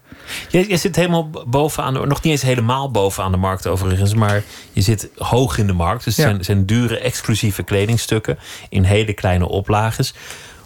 Hoe bepaalt dat wat, wat er gebeurt op straat? De, de meeste mensen dragen gewoon iets van, uh, van H&M of, of een ander groot merk. En, ja. die, die, uh, nou, die kijken volgens mij wel naar wat, wat, wat de echte grote ontwerpers doen. Of de, de hele exclusieve ontwerpers doen. Ja. Hoe werkt dat? Wie, wie bepaalt uiteindelijk wat, wat, uh, wat Henk en Ingrid dragen? Nou ja, het, het gaat ook een beetje beide kanten op. Want je ziet dat, dat, die, dat die, die, die high street fashion beïnvloedt ook de, um, de luxury fashion. Dat zie je ook heel erg. Het, gaat echt twee kanten op. Maar er zijn wel bepaalde ja, bedoel, er is bijvoorbeeld nu een merk Vetement. En dat is eigenlijk uh, nou ja, heel erg geïnspireerd op, wat Martin Margiela dan deed. Het zijn een, een beetje insidernamen, maar een Belgische ontwerper die heel erg innovatief was. En die gaan heel erg uit van, van het vergroten van proporties en van van uh, iconische stuks, maar bijvoorbeeld een sweatshirt, wat uh, eigenlijk uh, bijvoorbeeld bij H&M hangt voor, voor 20 euro. Dat zij hebben eigenlijk in feite hetzelfde sweatshirt, of dezelfde kwaliteit, dezelfde print, met misschien nou, een andere naam erop of dan iets uitvergroot. En dat kost dan opeens 800 euro, maar in feite is dat hetzelfde. En dat is een beetje omdat het zo cool is voor een bepaalde groep mensen om dat te dragen vinden ze dat geen probleem om het geld uit te geven. Maar als je echt gaat kijken naar de kwaliteit, en dan denk je echt van ja, eigenlijk is dit belachelijk dat dit gebeurt. Maar dat is ook mode. Dus ja, dan, dan denk je van waar komt dat vandaan? Het is, een, weet je, het is heel moeilijk om, om, om terug te leiden waar dingen vandaan komen. Het, zijn altijd, is altijd een combinatie van heel veel factoren. Als ik naar mezelf ook kijk hoe ik werk, ik bedoel, het, het komt overal vandaan. Het zijn al, al elke dag is er wel weer een nieuwe impuls. Of ja, daar ben je niet bewust van. Maar dat, dat, komt, dat komt van alles binnen. Wat je toch omzet dan in de manier waarop je je dingen maakt. Ja, dat is bij een kunstenaar natuurlijk op een andere manier ook weer. Of bij een fotograaf. Of, weet je. Maar er is wel degelijk een wisselwerking tussen de, de, de gewone straatmode en, en die Zeker. hele exclusieve mode van, Ja. van, van de catwalks Ja. en, eh, en, en de grote sterren. Tuurlijk, ja. Je, eh, je, mm, je, je kwam als jonge man te werken in de mode en je, je circuleerde langs al die bedrijven. Maar je- we hadden het ook over, over de tegenslagen die je hebt gehad. Ja. Het heeft relatief lang geduurd voor je, voor je echt je, je, je weg vond. Nou, zo zie ik dat eigenlijk niet. Want eh, nee, ik, ik, ik ben eh, naar de Rietveld eh, naar New York gegaan. En nou ja, ik had daar. Ik heb eerst bij Bill Blass gewerkt. Dat was zeg maar de, de Amerikaanse Saint Laurent. Dus dat was eigenlijk een heel mooi begin. En daarnaast voor, daarna voor, voor Barney's New York. Dat was echt nou ja, het ware luxury warenhuis. Die de eerste waren die de Japanners inkochten. En de eerste waren die Armani naar Amerika bracht. Dus ik heb daar eigenlijk hele mooie ervaring gehad. Dus het is... En toen kreeg ik die kans in Parijs. Nou ja, dat is eh, bij Guy Laroche. Nou ja, dat was een verhaal op zich. Maar uiteindelijk was het heel bijzonder dat ik zo ver kwam al. Maar ik, ik bedoel dat, dat wat je nu doet, volgens mij het, het allerdichtst ligt bij Dat ligt dichtst bij, wat bij je mij. altijd eigenlijk Ja, wilde maar doen. ik denk niet dat ik dat eerder had gekund. Ik heb ook, toen ik eh, na Guy Laroche heb ik ook een tijdje mijn eigen label gehad. En dat, maar daar geloof ik eigenlijk zelf niet helemaal in. Eh, Ik denk dat ik het toen ook niet durfde en niet de zelfverzekerheid had om het te doen. En die heb ik nu wel. Dus dat is heel belangrijk. Zeker als je doet wat ik doe, dat het gewoon, eh, nou ja, met overtuiging gedaan wordt. Want het vergt natuurlijk toch moed om, om, eh, om, om vanuit Amsterdam als, als eh, met relatief klein bedrijf het, het, het op te nemen of, of mee te doen met, met de grote jongens. Ja, het, het, het vergt moed om, eh, om, een, om een hele luxe bestaan wat ik had, om dat op te geven, om zoiets te gaan doen. Om te zeggen van, nou, ik ga nu voor mezelf iets doen. En, en het vanuit Amsterdam te doen. Maar ik had ook wel een soort overtuiging, omdat ik gewoon zag wat er gebeurde. En ik denk van, nou ja, ik, ik weet gewoon, het moet een andere kant op en ik wil het laten zien. Dus maar ik was niet van plan om hier meteen een enorm bedrijf van te maken. Maar ik denk van, nou, ik wil het wel even laten zien, een keer. En dat is gewoon een beetje uit de hand gelopen. Dus eh, dat is nou ja, op een goede manier dan. Maar ehm, ja, daardoor eh, hebben we nu wat we hebben. Hebben we nu een bedrijf wat ik eigenlijk niet aan zag komen in eerste instantie. Het was meer een soort statement wat ik, waar ik heel erg behoefte had om dat te maken. Maar eh, de, de energie was er, het werkte.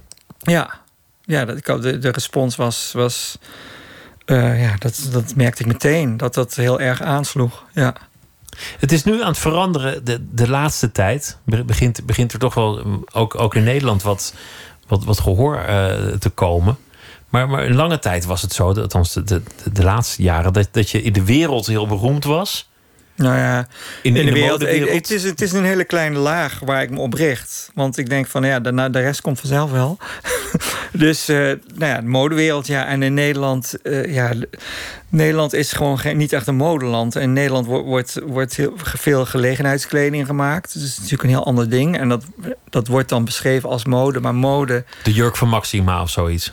Ja, dat, dat zijn gewoon, dat is een soort, dat voor een gelegenheid. Dat is, prachtig, maar dat is niet, in in mijn ogen niet iets wat, wat meedraait in de internationale modewereld.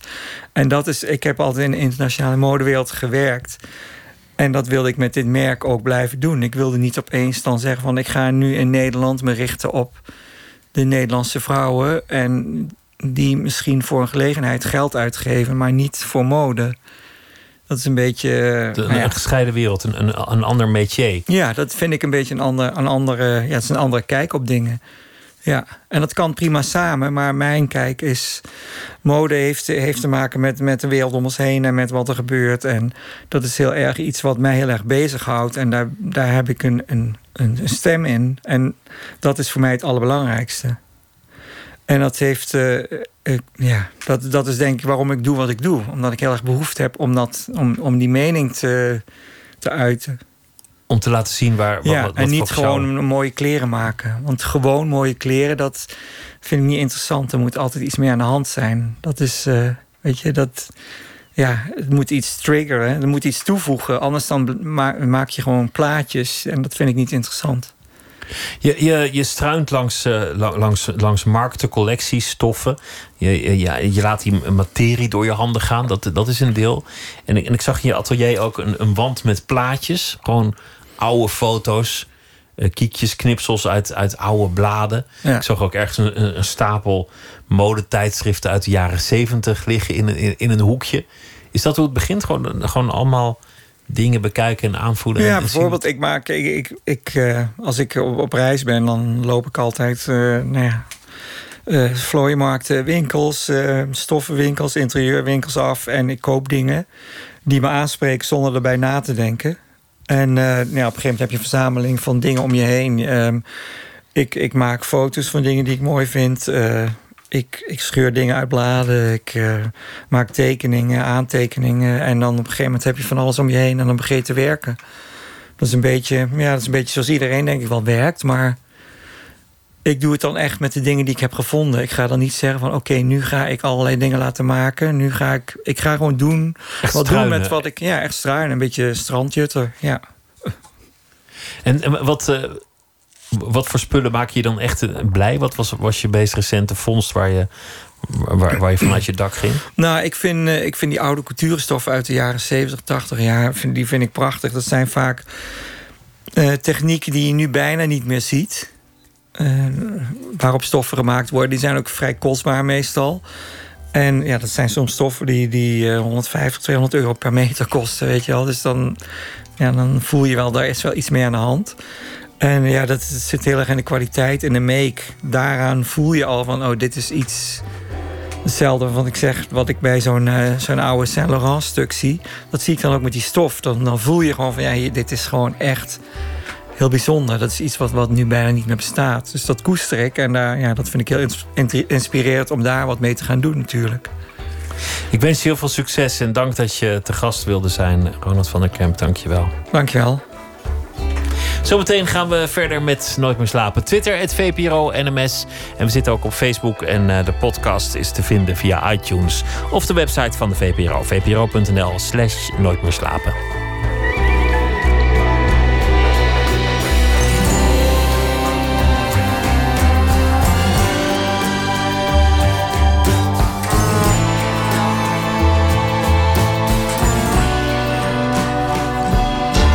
Op Radio 1. Het nieuws van alle kanten.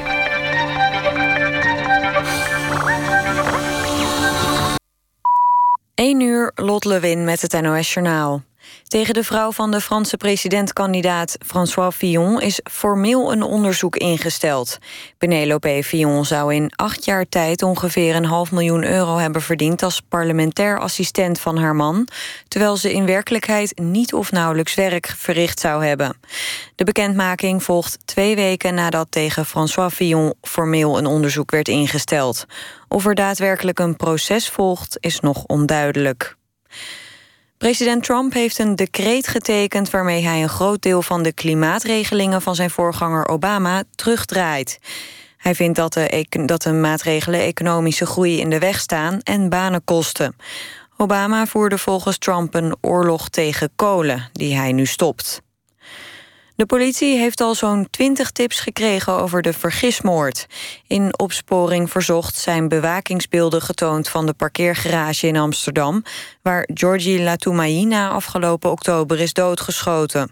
Op de beelden zijn drie mannen te zien die voor de moord de garage inrijden. De 31-jarige DJ Jordi was volgens de politie het slachtoffer van een vergismoord. De daders hadden het eigenlijk gemunt op een andere gebruiker van de parkeergarage, zegt de politie. Die spreekt van een fatale blunder. Het kabinet stelt 9 miljoen euro extra beschikbaar voor de hongersnood in Afrika en Jemen. Er gaat 5 miljoen euro naar Jemen en 4 miljoen naar Nigeria. Eerder had de regering al 2 miljoen euro toegezegd. Dat geld gaat ook naar Zuid-Soedan en Somalië. De donatie komt ook in het kader van de Nationale Actiedag van Giro 555... om geld in te zamelen voor de 20 miljoen mensen in die regio... met een tekort aan eten. En dan het weer. Vannacht toenemende bewolking en minima van ongeveer 9 graden. Overdag overwegend bewolkt en er valt in het noorden mogelijk een bui. Het wordt 14 tot 17 graden. Dit was het NOS Journaal. NPO Radio 1. VPRO. Nooit meer slapen.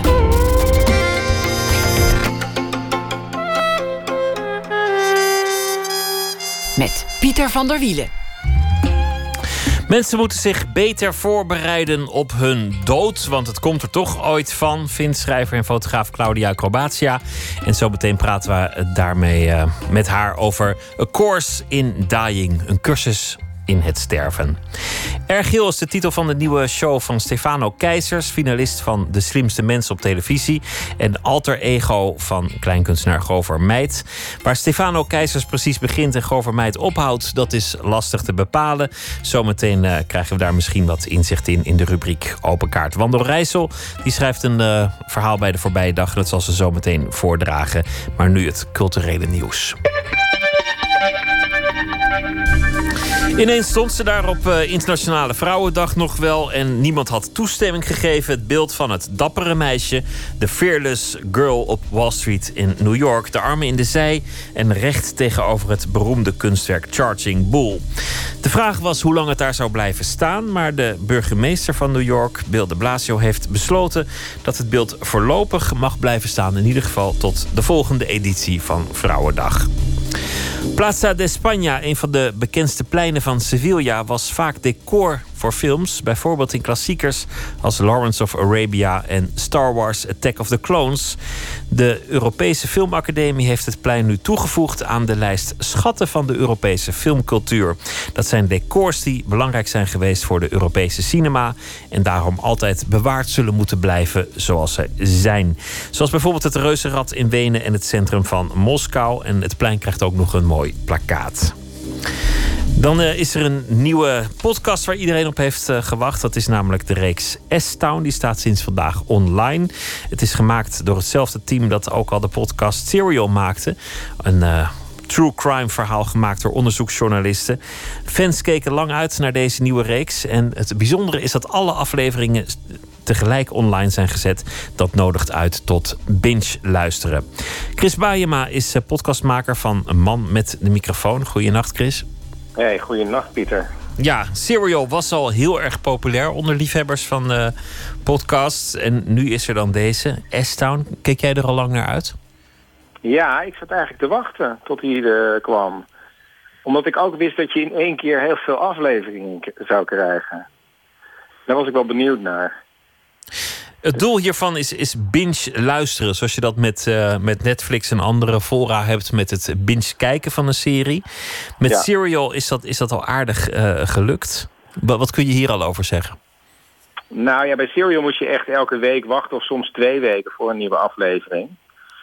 En S-Town, ja, ik ben de hele dag al aan het luisteren. Ik zit net in aflevering 5 van de 7. Waar gaat, het, waar, waar gaat het over? Het gaat over een, uh, een, een, een, radiomaker die uh, een aantal mails kreeg van een man in Alabama. Um, en die zei, ja, er gebeuren hier dingen bij mij in Shittown, Alabama. Dus daarom heet het S-Town, uh, Alabama, daar is het van. Hij zegt, ja, er is, er is hier iets gebeurd. Er is, we hebben jongens met elkaar gevochten. Er is iemand eigenlijk vermoord. Maar die jongen is nooit te, te, terechtgesteld, want hij heeft gewoon een rijke familie, dus die is hiermee weggekomen. En dat is nog maar één van de dingen die hier gebeuren. En die man blijft er maar mailen en telefoneren. Op een gegeven moment denkt hij, nou ja, ik ga er gewoon heen. En dan gaat hij naar die man toe en het is gewoon een hele rare man. Dat je denkt van, hij is een beetje gek. Hij is ook misschien wel geniaal. Hij zit op een plek waar hij niet wil zijn, maar waar hij ook niet weg kan. Is hij nou heel rijk? Woont hij op een soort landgoed? Wat is er met deze man eigenlijk aan de hand? En wat klopt er van het verhaal van die moord die gewoon mocht gebeuren en een beetje weggemoffeld is. En ehm, nou, dan word je zo langzamerhand een verhaal ingetrokken dat dan weer een soort andere kant op uh, gaat dan je in eerste instantie denkt. Maar ik blijf wel luisteren. Ja, het klinkt, het klinkt spannend zoals, je, zoals jij het vertelt. En, en Serial had dat, dat effect natuurlijk ook. Dat was, was een, een waar gebeurd misdrijf dat helemaal werd, werd uitgeplozen. Ik, ik ben benieuwd of dat, dat binge luisteren van de podcast... of dat een hoge vlucht gaat nemen. Dat, dat interesseert me. Of dat, of dat zo, uh, zo zou gaan. Ik, ja, ik dacht ook van... Ik denk dat dit ook wel nou een verhaal is om te binge luisteren, moet ik eerlijk zeggen. Want ik zat te denken van ja, maar dit, dit zet je dan op in de auto als je volgens mij op wintersport zou gaan. En dan ben je denk ik zes uur zo'n beetje bezig in één keer. En ik denk dat dit ook wel een verhaal is wat je gewoon... waar je niet misschien een week op zit te wachten... Ehm, maar wat misschien ook wel echt zoiets is om even in een week weg te luisteren. Ik denk dat dat wel zoiets is. Ja. Zou je dat zelf doen als, als podcastmaker? Want jij, jij, uh, je, ja, jij bent ook actief in, in het eh, genre der podcasts. Maar een, ja. een, een, het echte binge luisteren, dat heb je nog niet uh, geprobeerd volgens nee, mij. Nee, nee, nee. Kijk, nou, kijk, ik, ik maak een maandelijks programma. Tenminste, ik ontdekte gaandeweg, wat ik maak is een maandelijks programma. Ik ben ook echt een maand mee bezig. En ik verzamel gewoon verhalen bij mij in de buurt. En um, ik merk wel dat steeds... Kijk, steeds meer mensen ontdekken mij. En die gaan dan binge luisteren. Dus ik zie nu wel het woord binge luisteren. Uh, komt nu wel voorbij op Twitter. Dat mensen mij net ontdekken. En dan blijkt dat ze in één keer alles gaan luisteren. In een paar dagen, denk ik. Dus je kan natuurlijk wel instappen bij een programma. En dan alsnog alles gaan luisteren.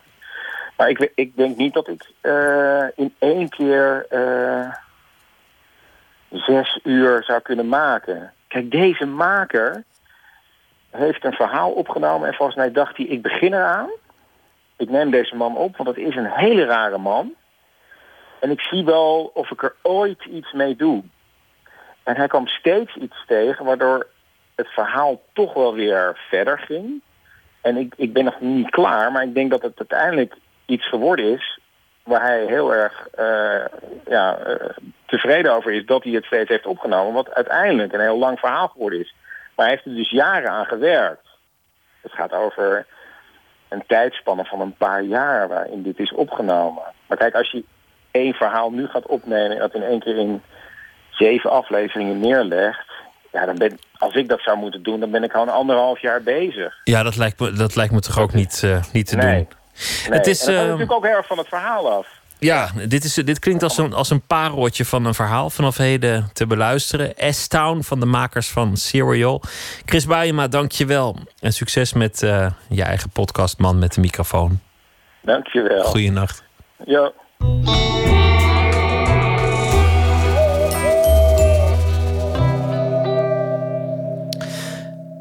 De band uh, Real Estate. Alsof ze gevangen zitten in een Truman Show-achtige zomervakantie in een buitenwijk. Zo omschreef The Guardian de muziek van deze band. En dit heet Stained Glass.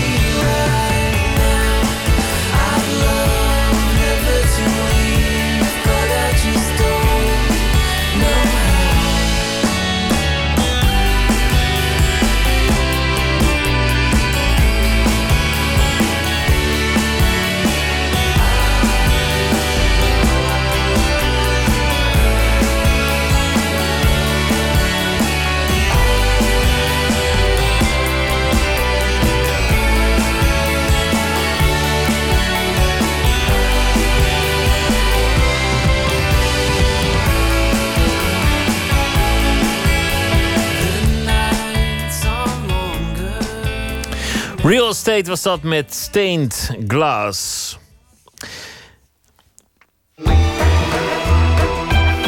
Nooit meer slapen. Meeste mensen vermijden het onderwerp, willen er niet aan denken. De eigen dood. En schrijver en fotograaf Claudia Crobatia vindt dat we ons juist wat meer bewust zouden moeten zijn van de eigen sterfelijkheid. Ze is daarom ook oprichter van A Course in Dying. En dat is een online platform waarmee ze het thema dood wil onderzoeken. Verslaggever Nicole de ging eens langs.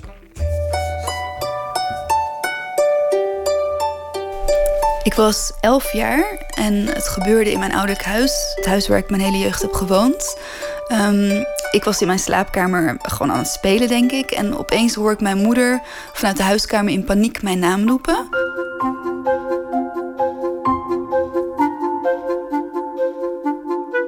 Gekleed in een grijze trui met zwarte print, blond haar tot haar schouders met lichtroze highlights onderaan, zit Claudia aan tafel in haar woonkamer. Ze vertelt openhartig over haar jeugd en vooral over haar visie op de dood.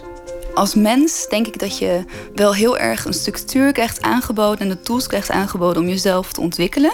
je volgt een studie, uh, je leert jezelf te ontplooien. Um, en het doel van het leven is een beetje om een zo succesvol en gelukkig mogelijk leven te leiden. Maar hoe je nou een goede dood sterft, hoe je nou een mooi, uh, op een mooie manier je leven kan voltooien, is iets waar niet per se uh, goede richtlijnen voor worden gegeven.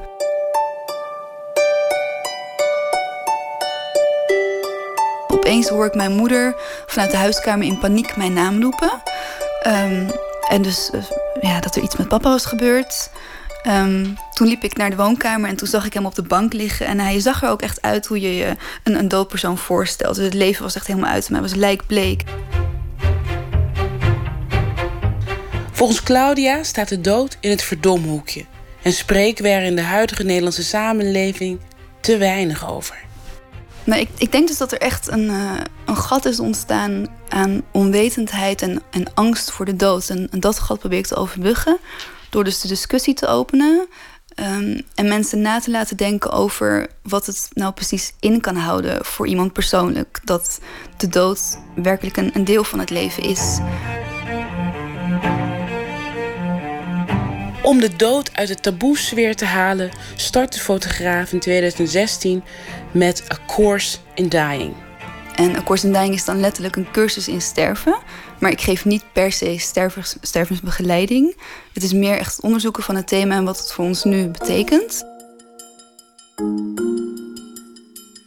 Op de website staan bijvoorbeeld interviews met kunstenaars en schrijvers over de dood, artikelen, haar persoonlijk verhaal, maar ook recensies van begraafplaatsen in binnen- en buitenland. Ja, ik hoop dat het, dat het minder wordt weggestopt. Ehm, dus ik denk dat eerlijk, eerlijkheid daarin ook heel belangrijk is.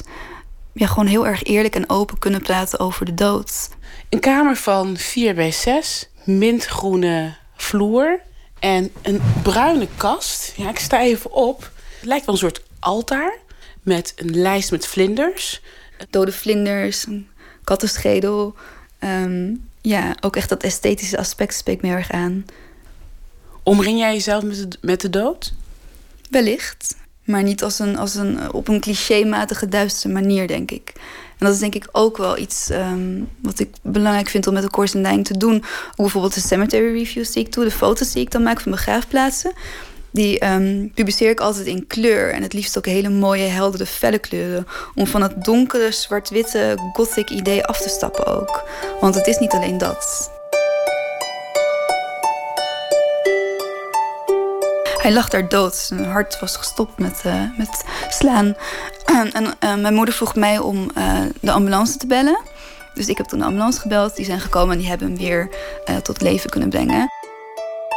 Het is ook iets wat denk ik altijd wel in mij zat. De fascinatie met um, de eindigheid van het leven. Um, ik had zelf een heel oude vader al toen ik werd geboren.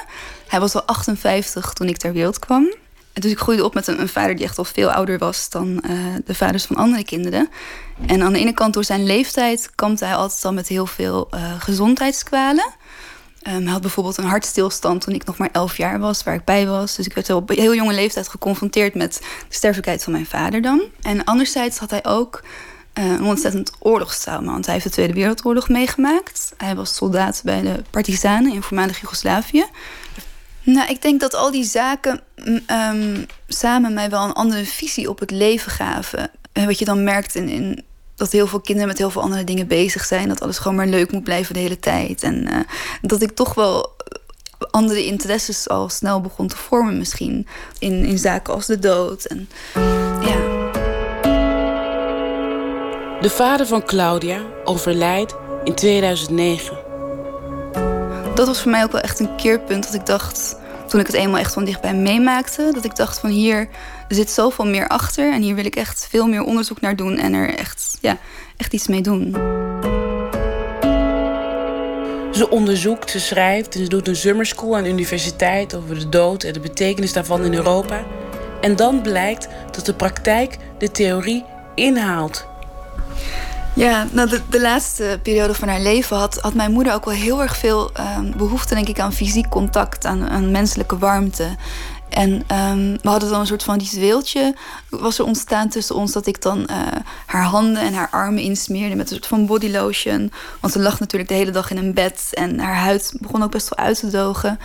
En dan masseerde ik haar en dan, en dan spraken we zo heel zachtjes met elkaar. En dat waren echt hele mooie momenten van connectie en van, uh, ja, van echt liefde tonen tussen elkaar. Wat hiervoor in ons leven nooit op zo'n manier zich had geuit, maar wat toch op die manier dan weer ontstond. Jouw vader die ging in 2009 dood. Ondertussen begon je met dit onderzoek. En begin van het jaar overleed jouw moeder. Dan zou je denken dat jij dus meer bagage hebt gekregen om dan met uh, jouw moeder, dat zij doodging, om daarmee om te gaan. Ja, nou, dat, dat zou je inderdaad denken. En dat, dat was ook dus inderdaad hoe ik erin stond. Ik dacht, nou, um, hè, toen ik hoorde dat mijn moeder, uh, dat, dat haar ziekte niet meer te genezen was, um, toen dacht ik, nou, ik ga hier echt, uh, echt voor haar zijn. En ik ga haar heel erg helpen door de kennis die ik zelf heb opgedaan. Ik ga haar heel erg steunen hierin. En ik heb dat ook wel geprobeerd te doen voor zover ik dat kon. En ik heb haar ook wel geholpen met een aantal zaken. Maar um, ook dat was dan weer iets waar ik heel erg toch uh, verrast door was. Was dat het toch allemaal anders uiteindelijk gebeurde dan hoe ik het zelf voor me zag. Um, het was toch, en zeker de laatste paar dagen van haar, um, het proces van haar sterven, was zo heftig dat ik het er echt heel erg moeilijk mee had. Los van al mijn gedachten erover en hoe mooi ik het dan soms in mijn hoofd kan maken als ik over filosofeer en over nadenk. De werkelijkheid van de dood is dan toch weer. Um, ja, heeft toch weer een heel andere impact op je. Uh, en dat zal waarschijnlijk ook per mens en per scenario verschillen. Uh, het, is iets, het is iets wat zo persoonlijk is. En ook de band die je met een persoon hebt die overlijdt, dat, dat tekent natuurlijk ook uh, de manier waarop het zich allemaal afspeelt. Uh, maar tegelijkertijd was het ook weer een heel waardevol proces en heb ik er weer heel veel van geleerd. Juist um, dat ik ook echt niet alles weet en alles kan. En ja, dat het nog steeds iets heel moeilijks ook kan zijn.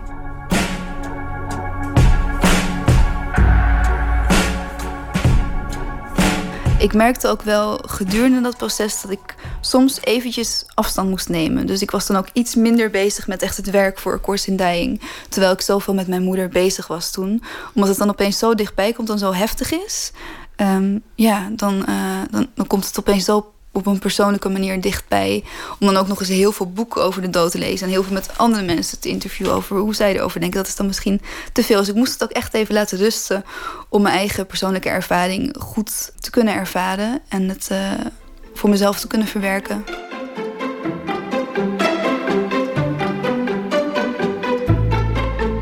Claudia heeft wel het gevoel dat ze door een course in dying de praktische kant rondom de dood van haar moeder beter aankomt.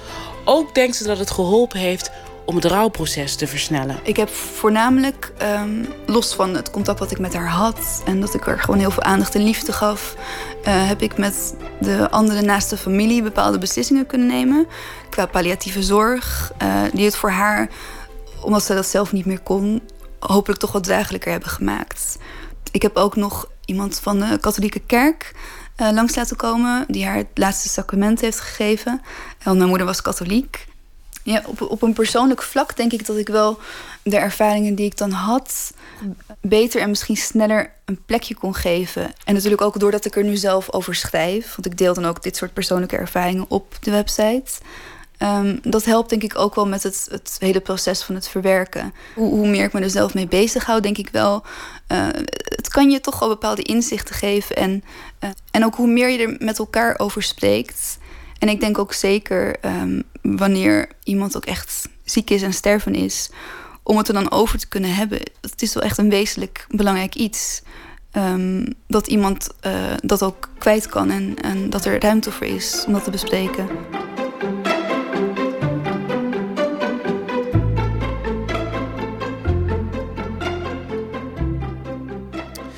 Nicole Terborg was dat uh, op bezoek bij schrijver-fotograaf Claudia Crobatia, die een uh, platform is begonnen over de sterfelijkheid. A Course in Dying. Er is ook een website van A Course in Dying.com.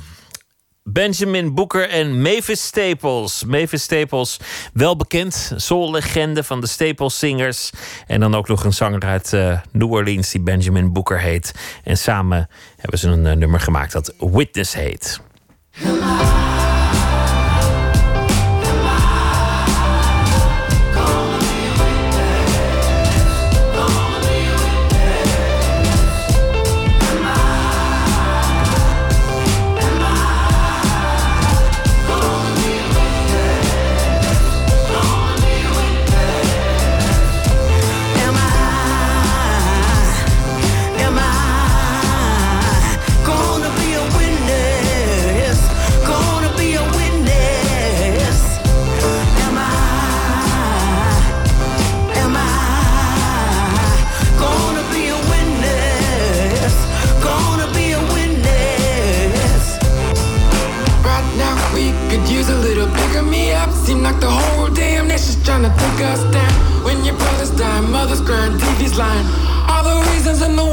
world tell me now. See, we thought that we saw that he had a gun.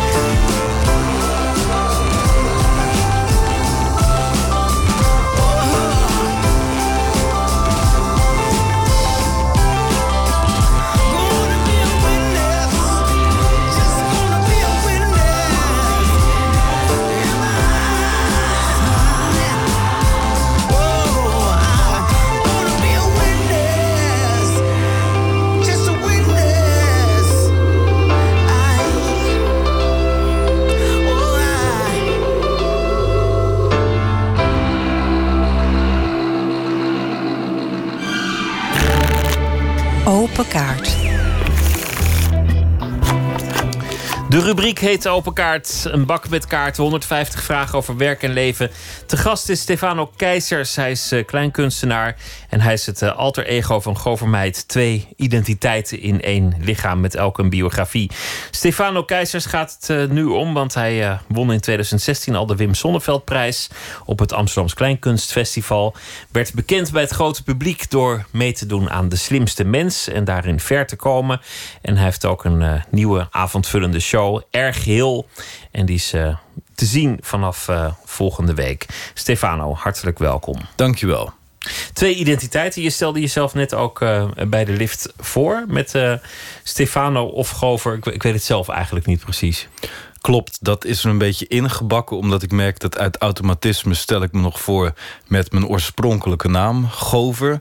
En dat levert dus steeds meer verwarringen op... omdat mensen verwachten dat ze met Stefano Keizers een afspraak hebben. Dus het is eigenlijk zo dat ik nu instinctief dat er meteen achteraan roep... om zeker te weten dat mensen ook echt met mij um, in gesprek zijn. Is het, is het gewoon een artiestennaam? Zoals heel veel mensen een artiestennaam hebben? Ja, zo zou je het eigenlijk wel kunnen noemen. Ik vind het dus wat dat betreft ook minder verwarrend dan dat mij verweten wordt dan dat het is. Um, ik zie het inderdaad niet als iets anders dan dat Madonna ook niet echt Madonna heet. En uh, Freddie Mercury niet echt Freddie Mercury heette. En, en, ga zo maar door. Er exact. zijn natuurlijk vele uh, van dat soort dingen. Nee, en, en twee identiteiten. Mensen hebben misschien wel zes identiteiten. Alleen dat wordt niet altijd benoemd. Ja, dat klopt.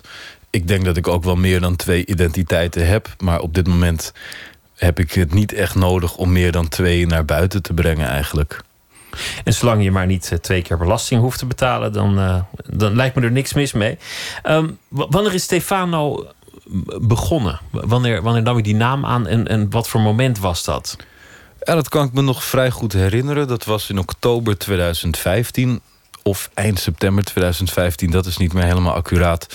Um, toen zag ik het online inschrijfformulier van het Amsterdams Kleinkunstfestival voorbij komen. En ik was al een tijd aan het spelen met de gedachte om weer echt als een one-man show ten tonele te gaan.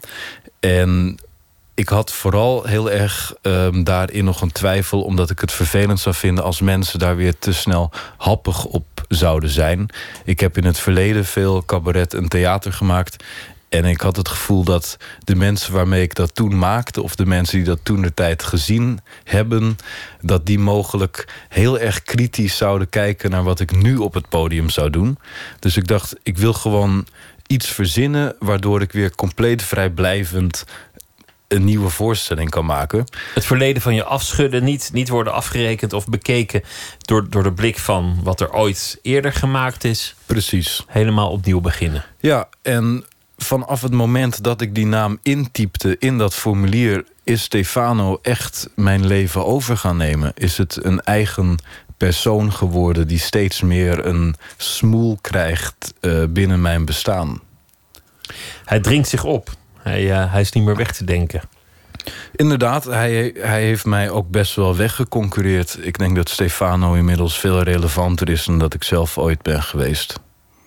Dan is er ook nog uh, uh, verwarring wanneer het gaat om uh, um, levenservaringen, biografische gegevens. Al dan niet een, een, relatie met een zelster of directeur geweest van een keramiekfabriek of geboren zijn in Afrika.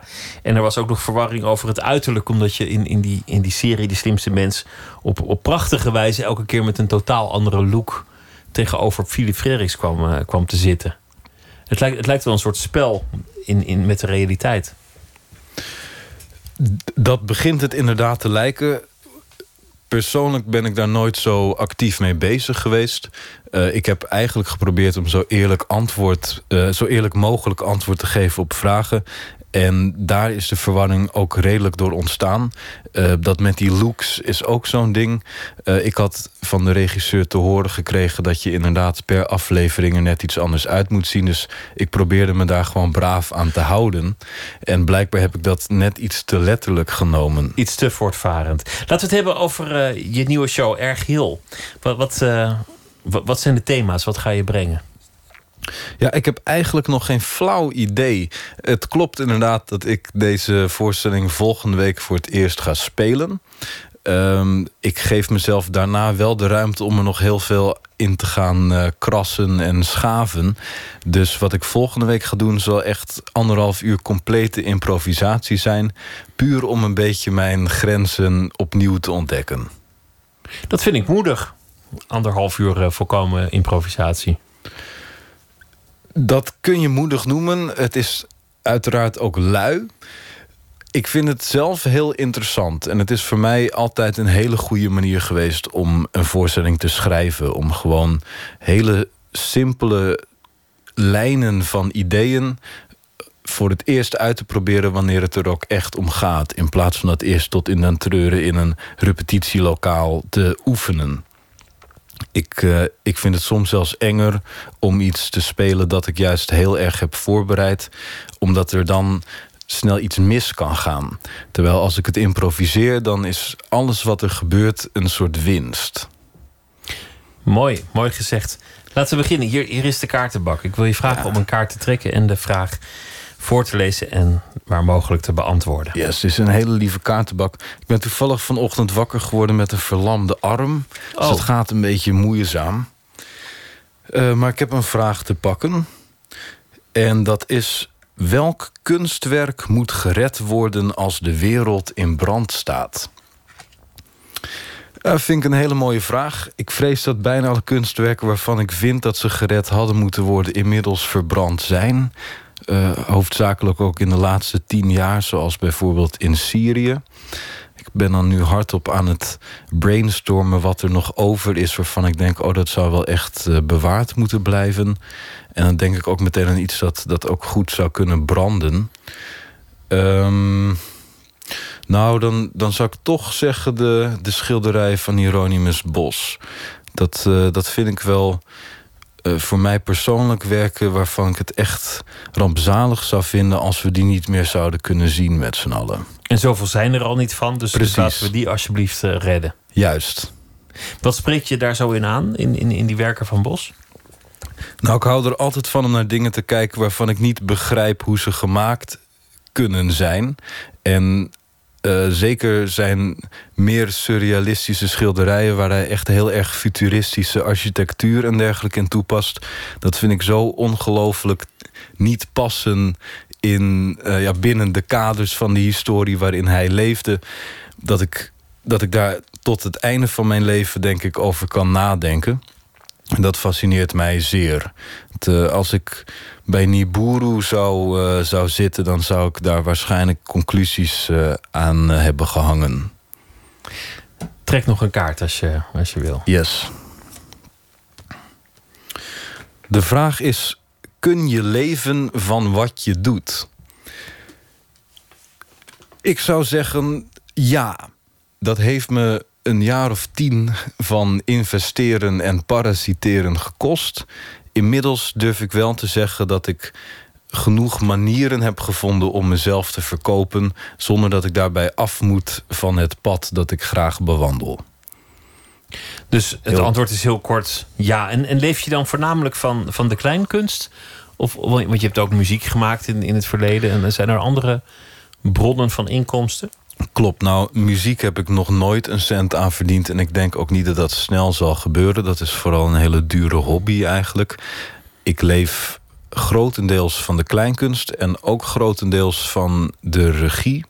Ik, uh, ik denk dat ik net zoveel achter de schermen sta als voor de schermen. En die combinatie maakt het heel flexibel om altijd werk te hebben. Trek nog een kaart als je wil. Wanneer heb je voor het laatst gehuild? Ah. Ook zo'n mooie. Ik huil bijna alleen maar bij films. En dat ik bewust heb gehuild is bij een film. Ik ben even de titel kwijt. Het gaat over uh, de schrijfster van Mary Poppins. En um, Walt Disney zit achter haar aan om een script uh, te gaan maken van het boek Mary Poppins. Dat haar heel dierbaar is. En de hele film gaat eigenlijk erover hoe ze langzaam maar zeker um, haar persoonlijke verhaal uh, verkoopt aan, aan het grote publiek. En hoeveel moeite ze daarmee heeft. Ik vond het op de een of andere manier een hele emotionele film. Dus toen zat ik alleen op mijn kamer te huilen, heel laat s'nachts. Trek nog een kaart als je wil. Om wie moet je lachen? Ah, van het huilen naar het lachen. Het is, uh, het is een soort tarot, is dit eigenlijk. Het uh, tekent zo'n soort lijn uit voor het leven. Niet ja, misschien, ja. misschien wel, ja. Ik weet niet veel van tarot hoor, maar zo voelt het een beetje. Uh, om wie moet ik lachen? Ik moet eigenlijk hoofdzakelijk lachen om mijn eigen familie. Dus als ik aan, uh, aan een tafel zit met mijn ouders en uh, mijn broeders en, uh, en alles wat daaromheen zit, dat zijn bijna altijd momenten dat ik in de slappe lach lig, zit. Ik weet Schiet je iets te binnen? Zo'n zo moment waar- waar je om, om moest lachen? Nou, mijn moeder bestelt altijd het verkeerde gerecht als we in een restaurant zitten. En dat is hilarisch. Dus ja, ze heeft altijd pech daarmee. Het, komt of verkeerd op het bord terecht, of het blijkt toch niet aanwezig te zijn in het restaurant. En gewoon dat, dat patroon, die traditie, die op de een of andere manier, waar we ook zijn, wordt doorgevoerd, dat, dat is iets dat op de lachspieren werkt. Een slecht eh, karma waar het gaat om menukaarten. Altijd dit, net datgene dat op is of die, die ene die je nou niet moet bestellen. Exact. En vervolgens de chaos die losbreekt wanneer dat probleem dan moet worden opgelost. Laten we nog één doen. Oké. Wat is de mooiste plek op aarde? Mm. Het is heel moeilijk om concrete antwoorden op deze vragen te geven. Het verschilt wat mij betreft heel erg per dag. Ik zou zeggen, als ik het nu met het mes op de keel moet beantwoorden... dat ik het coöperatiehofje in Amsterdam... de mooiste plek op aarde vind. Het is een extreem mysterieus hofje. Niemand heeft ervan gehoord. Niemand weet denk ik ook waar dat precies is. Waar is dat? Ik weet het ook niet. Het, eh, het zit in de rivierenbuurt in Amsterdam. Het zit tussen een paar huizen in. Het is ehm, echt Amsterdamse school. Dus een heel erg, eh, ja, heel organisch bakstenen eh, hofje eigenlijk. Met midden op het hofje een hele grote betonnen wereldbol. En ik weet niet, daar hangt een mysterieuze sfeer... die ik nergens anders op de wereld heb gevonden. We doen er nog één, de laatste vraag. Vooruit dan. Waar geef je het meeste geld aan uit? Momenteel, en dat is wel echt veranderd in mijn leven... eh, sinds ik dus manieren heb gevonden om inderdaad... met hetgeen dat ik doe genoeg liquide middelen te genereren. Ik zou met zekerheid kunnen zeggen dat ik op dit moment het meeste geld uitgeef aan het trakteren van andere mensen.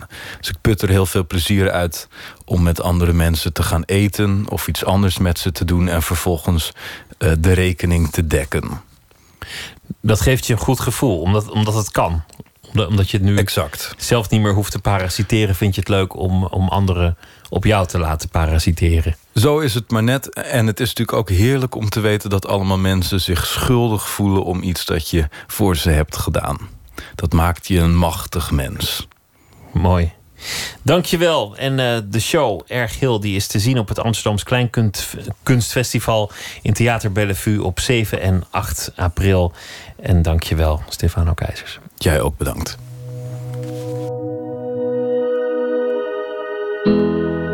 You take the words right out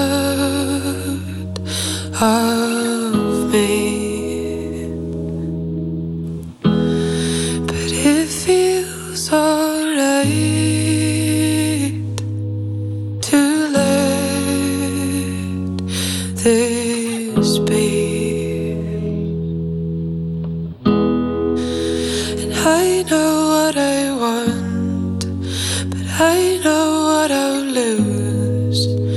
Finding this is hard, fighting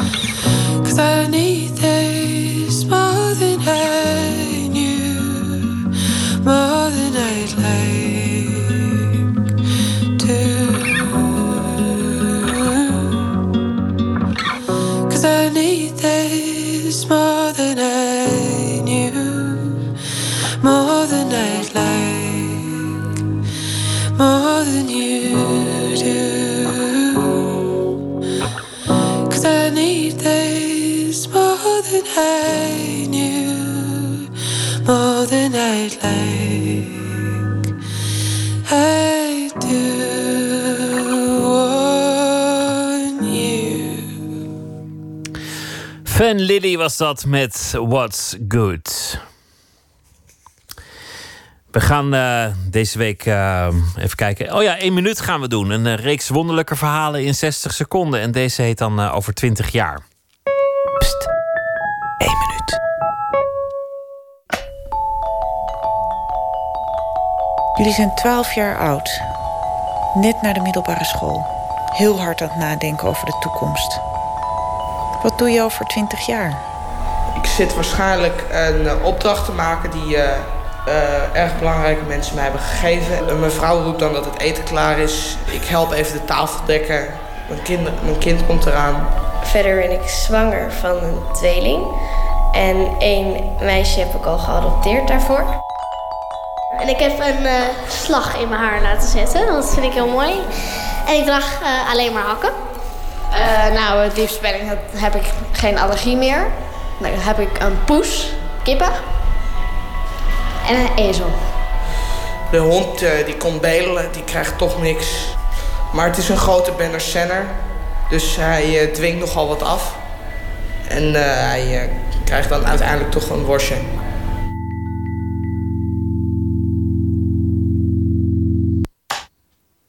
Gemaakt door Stef Visjager over 20 jaar.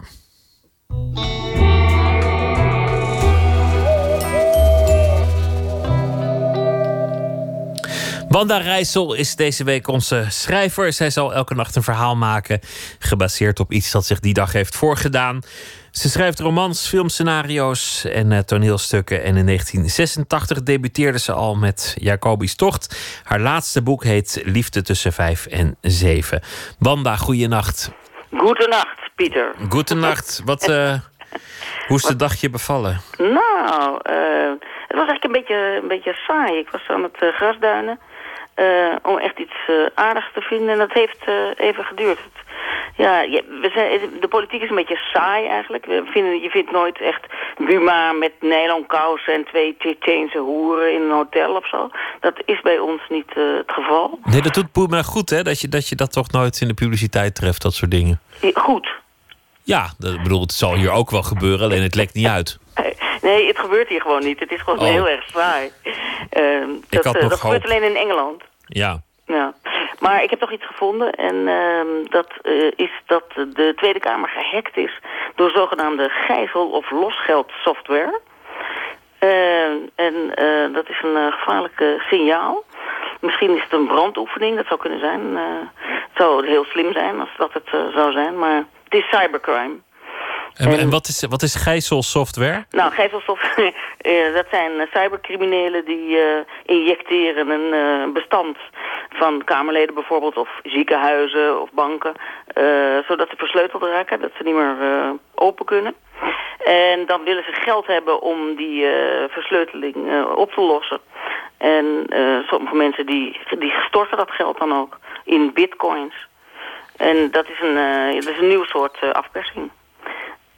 Interessant. Ik ben benieuwd naar, eh, naar je verhaal. Oké, daar gaat hij.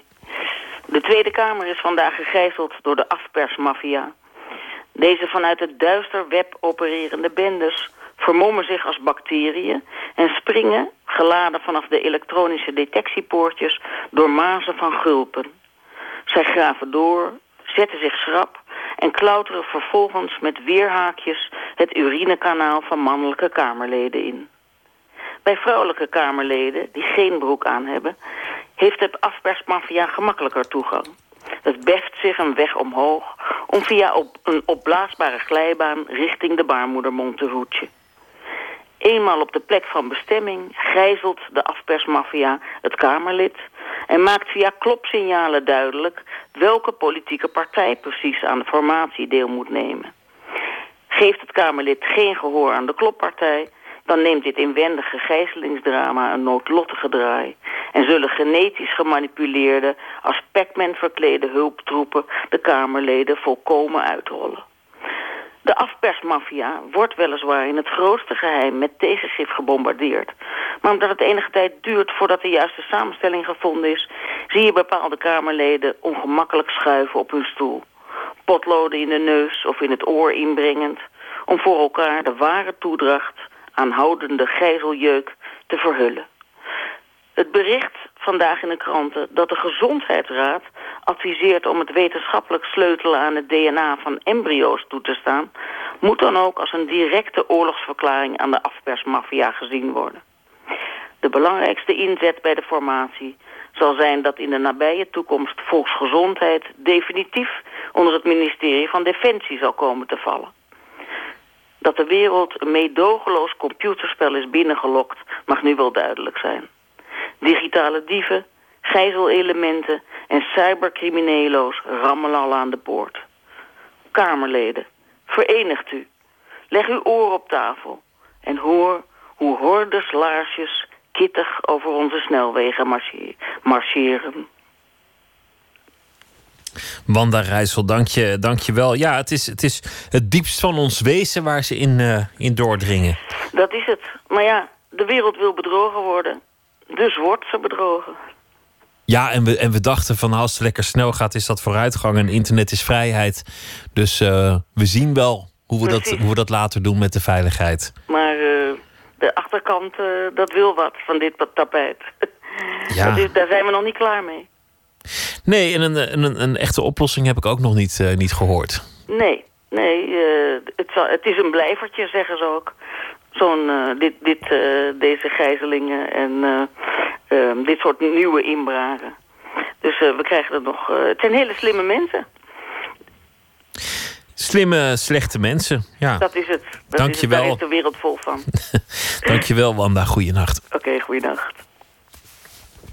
We gaan luisteren naar eh, Connor Oberst en het nummer heet Next of Kin.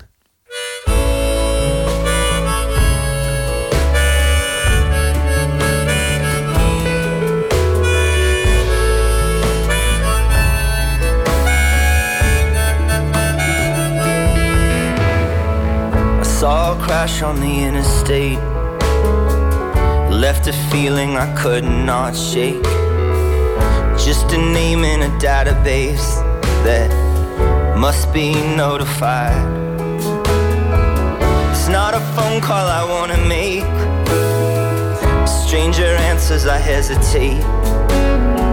I got some bad news, it couldn't wait. Are you sitting down? Her bathrobe hangs on the bedroom door. Though she's been dead for a year or more. Buried her by the sycamore so that he could keep her close. It broke his heart and it made him old. Tries to rebuild, but it just erodes. Some people say that's the way it goes, but he don't feel that way.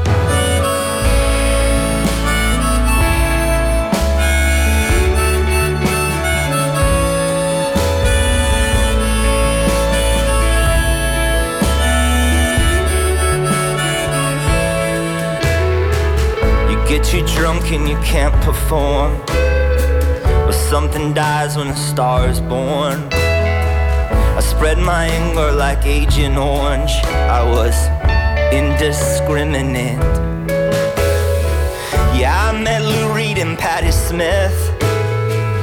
Didn't make me feel different. I guess I lost all my innocence way too long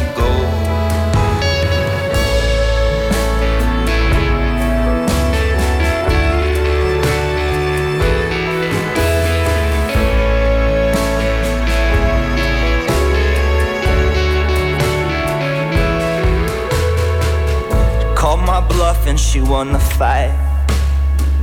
I ran outside in the hot twilight. I had a lighter that didn't light. Well, I know I shouldn't smoke. I was gone, I was free to leave. Walking fast down the Bowery. Tears in my eyes, so I couldn't see. But I made my way back home.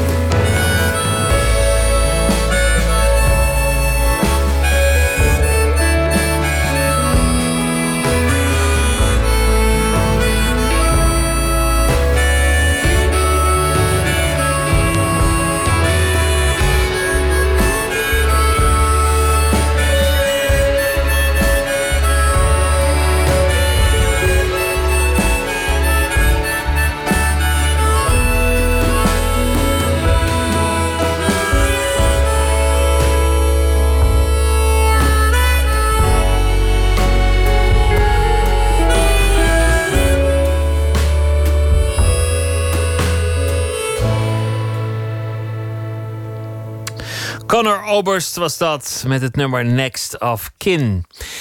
Anna Inquist is uh, dichter, maar ook schrijver, pianiste, psychoanalytica. Deze week zal ze elke nacht een gedicht voordragen en uh, toelichten. En deze heet Brieflezende Vrouw.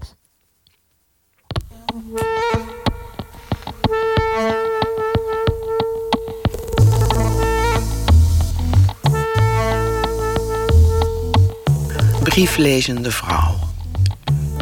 Je vraagt, wat deed ik voor ik bij het raam de brief losvouwde? Wel, ik las de brief. Er zijn twee soorten tijd. De ene, die ik haat, verstrijkt hier buiten. Als mijn voet de drempel kruist, staan daar de borstelmaker en de meid. Ze willen iets. Ze dwingen mij te springen in die vaart. Dan komt hij niet meer terug. Dan is zijn schip vergaan. Er blaft een hond. Ik sluit de deur en in de kamer met het bleke licht lees ik de brief.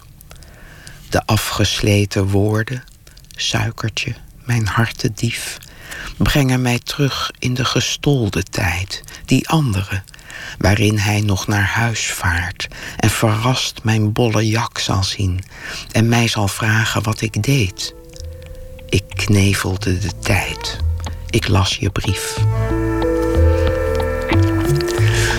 Ja, dat is een gedicht bij uh, een schilderij van Vermeer. En dat heet Lezende vrouw in het blauw. En dan zie je een vrouw met een blauwe jak aan die een brief leest. Uh, je zou eigenlijk aan haar buik wel kunnen zien dat ze zwanger is. Dus de fantasie is dan ook dat uh, die brief van haar man is, die op zee verblijft. En, en dat zij natuurlijk angstig is, zoals al die zeemansvrouwen in die tijd, dat hij niet meer terug zal komen. maar zolang zij daar staat en die brief leest, kan ze nog die fantasie hebben: alles is goed en hij houdt van me. En dan komt hij terug en dan is hij verrast eh, dat we een baby zullen krijgen. En dan hoef ik niet onder ogen te zien dat hij niet meer terugkomt. Ik lees het gedicht nog een keer. Brieflezende vrouw. Je vraagt wat deed ik voor ik bij het raam de brief losvouwde. Wel, ik las de brief. Er zijn twee soorten tijd. De ene, die ik haat, verstrijkt hier buiten. Als mijn voet de drempel kruist, staan daar de borstelmaker en de meid. Ze willen iets. Ze dwingen mij te springen in die vaart. Dan komt hij niet meer terug. Dan is zijn schip vergaan. Er blaft een hond. Ik sluit de deur en in de kamer met het bleke licht lees ik de brief. De afgesleten woorden, suikertje, mijn hartedief, brengen mij terug in de gestolde tijd, die andere, waarin hij nog naar huis vaart en verrast mijn bolle jak zal zien en mij zal vragen wat ik deed. Ik knevelde de tijd. Ik las je brief. Anna Enquist las het gedicht Brieflezende Vrouw. Morgen in dit programma architect Ben van Berkel, een van de meest internationaal georiënteerde architecten van Nederland. Bekend van een aantal grote projecten, onder meer de Erasmusbrug in Rotterdam, het Mercedes-Benz Museum in Stuttgart en het station van Arnhem.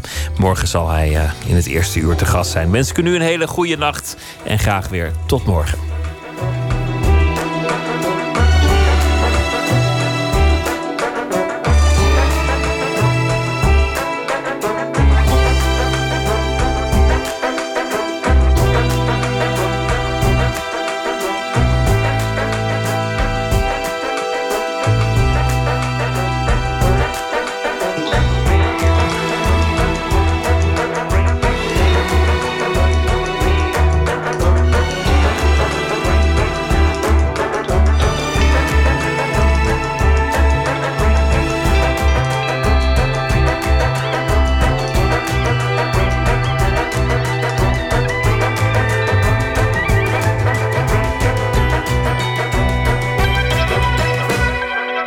Radio 1, het nieuws van alle kanten.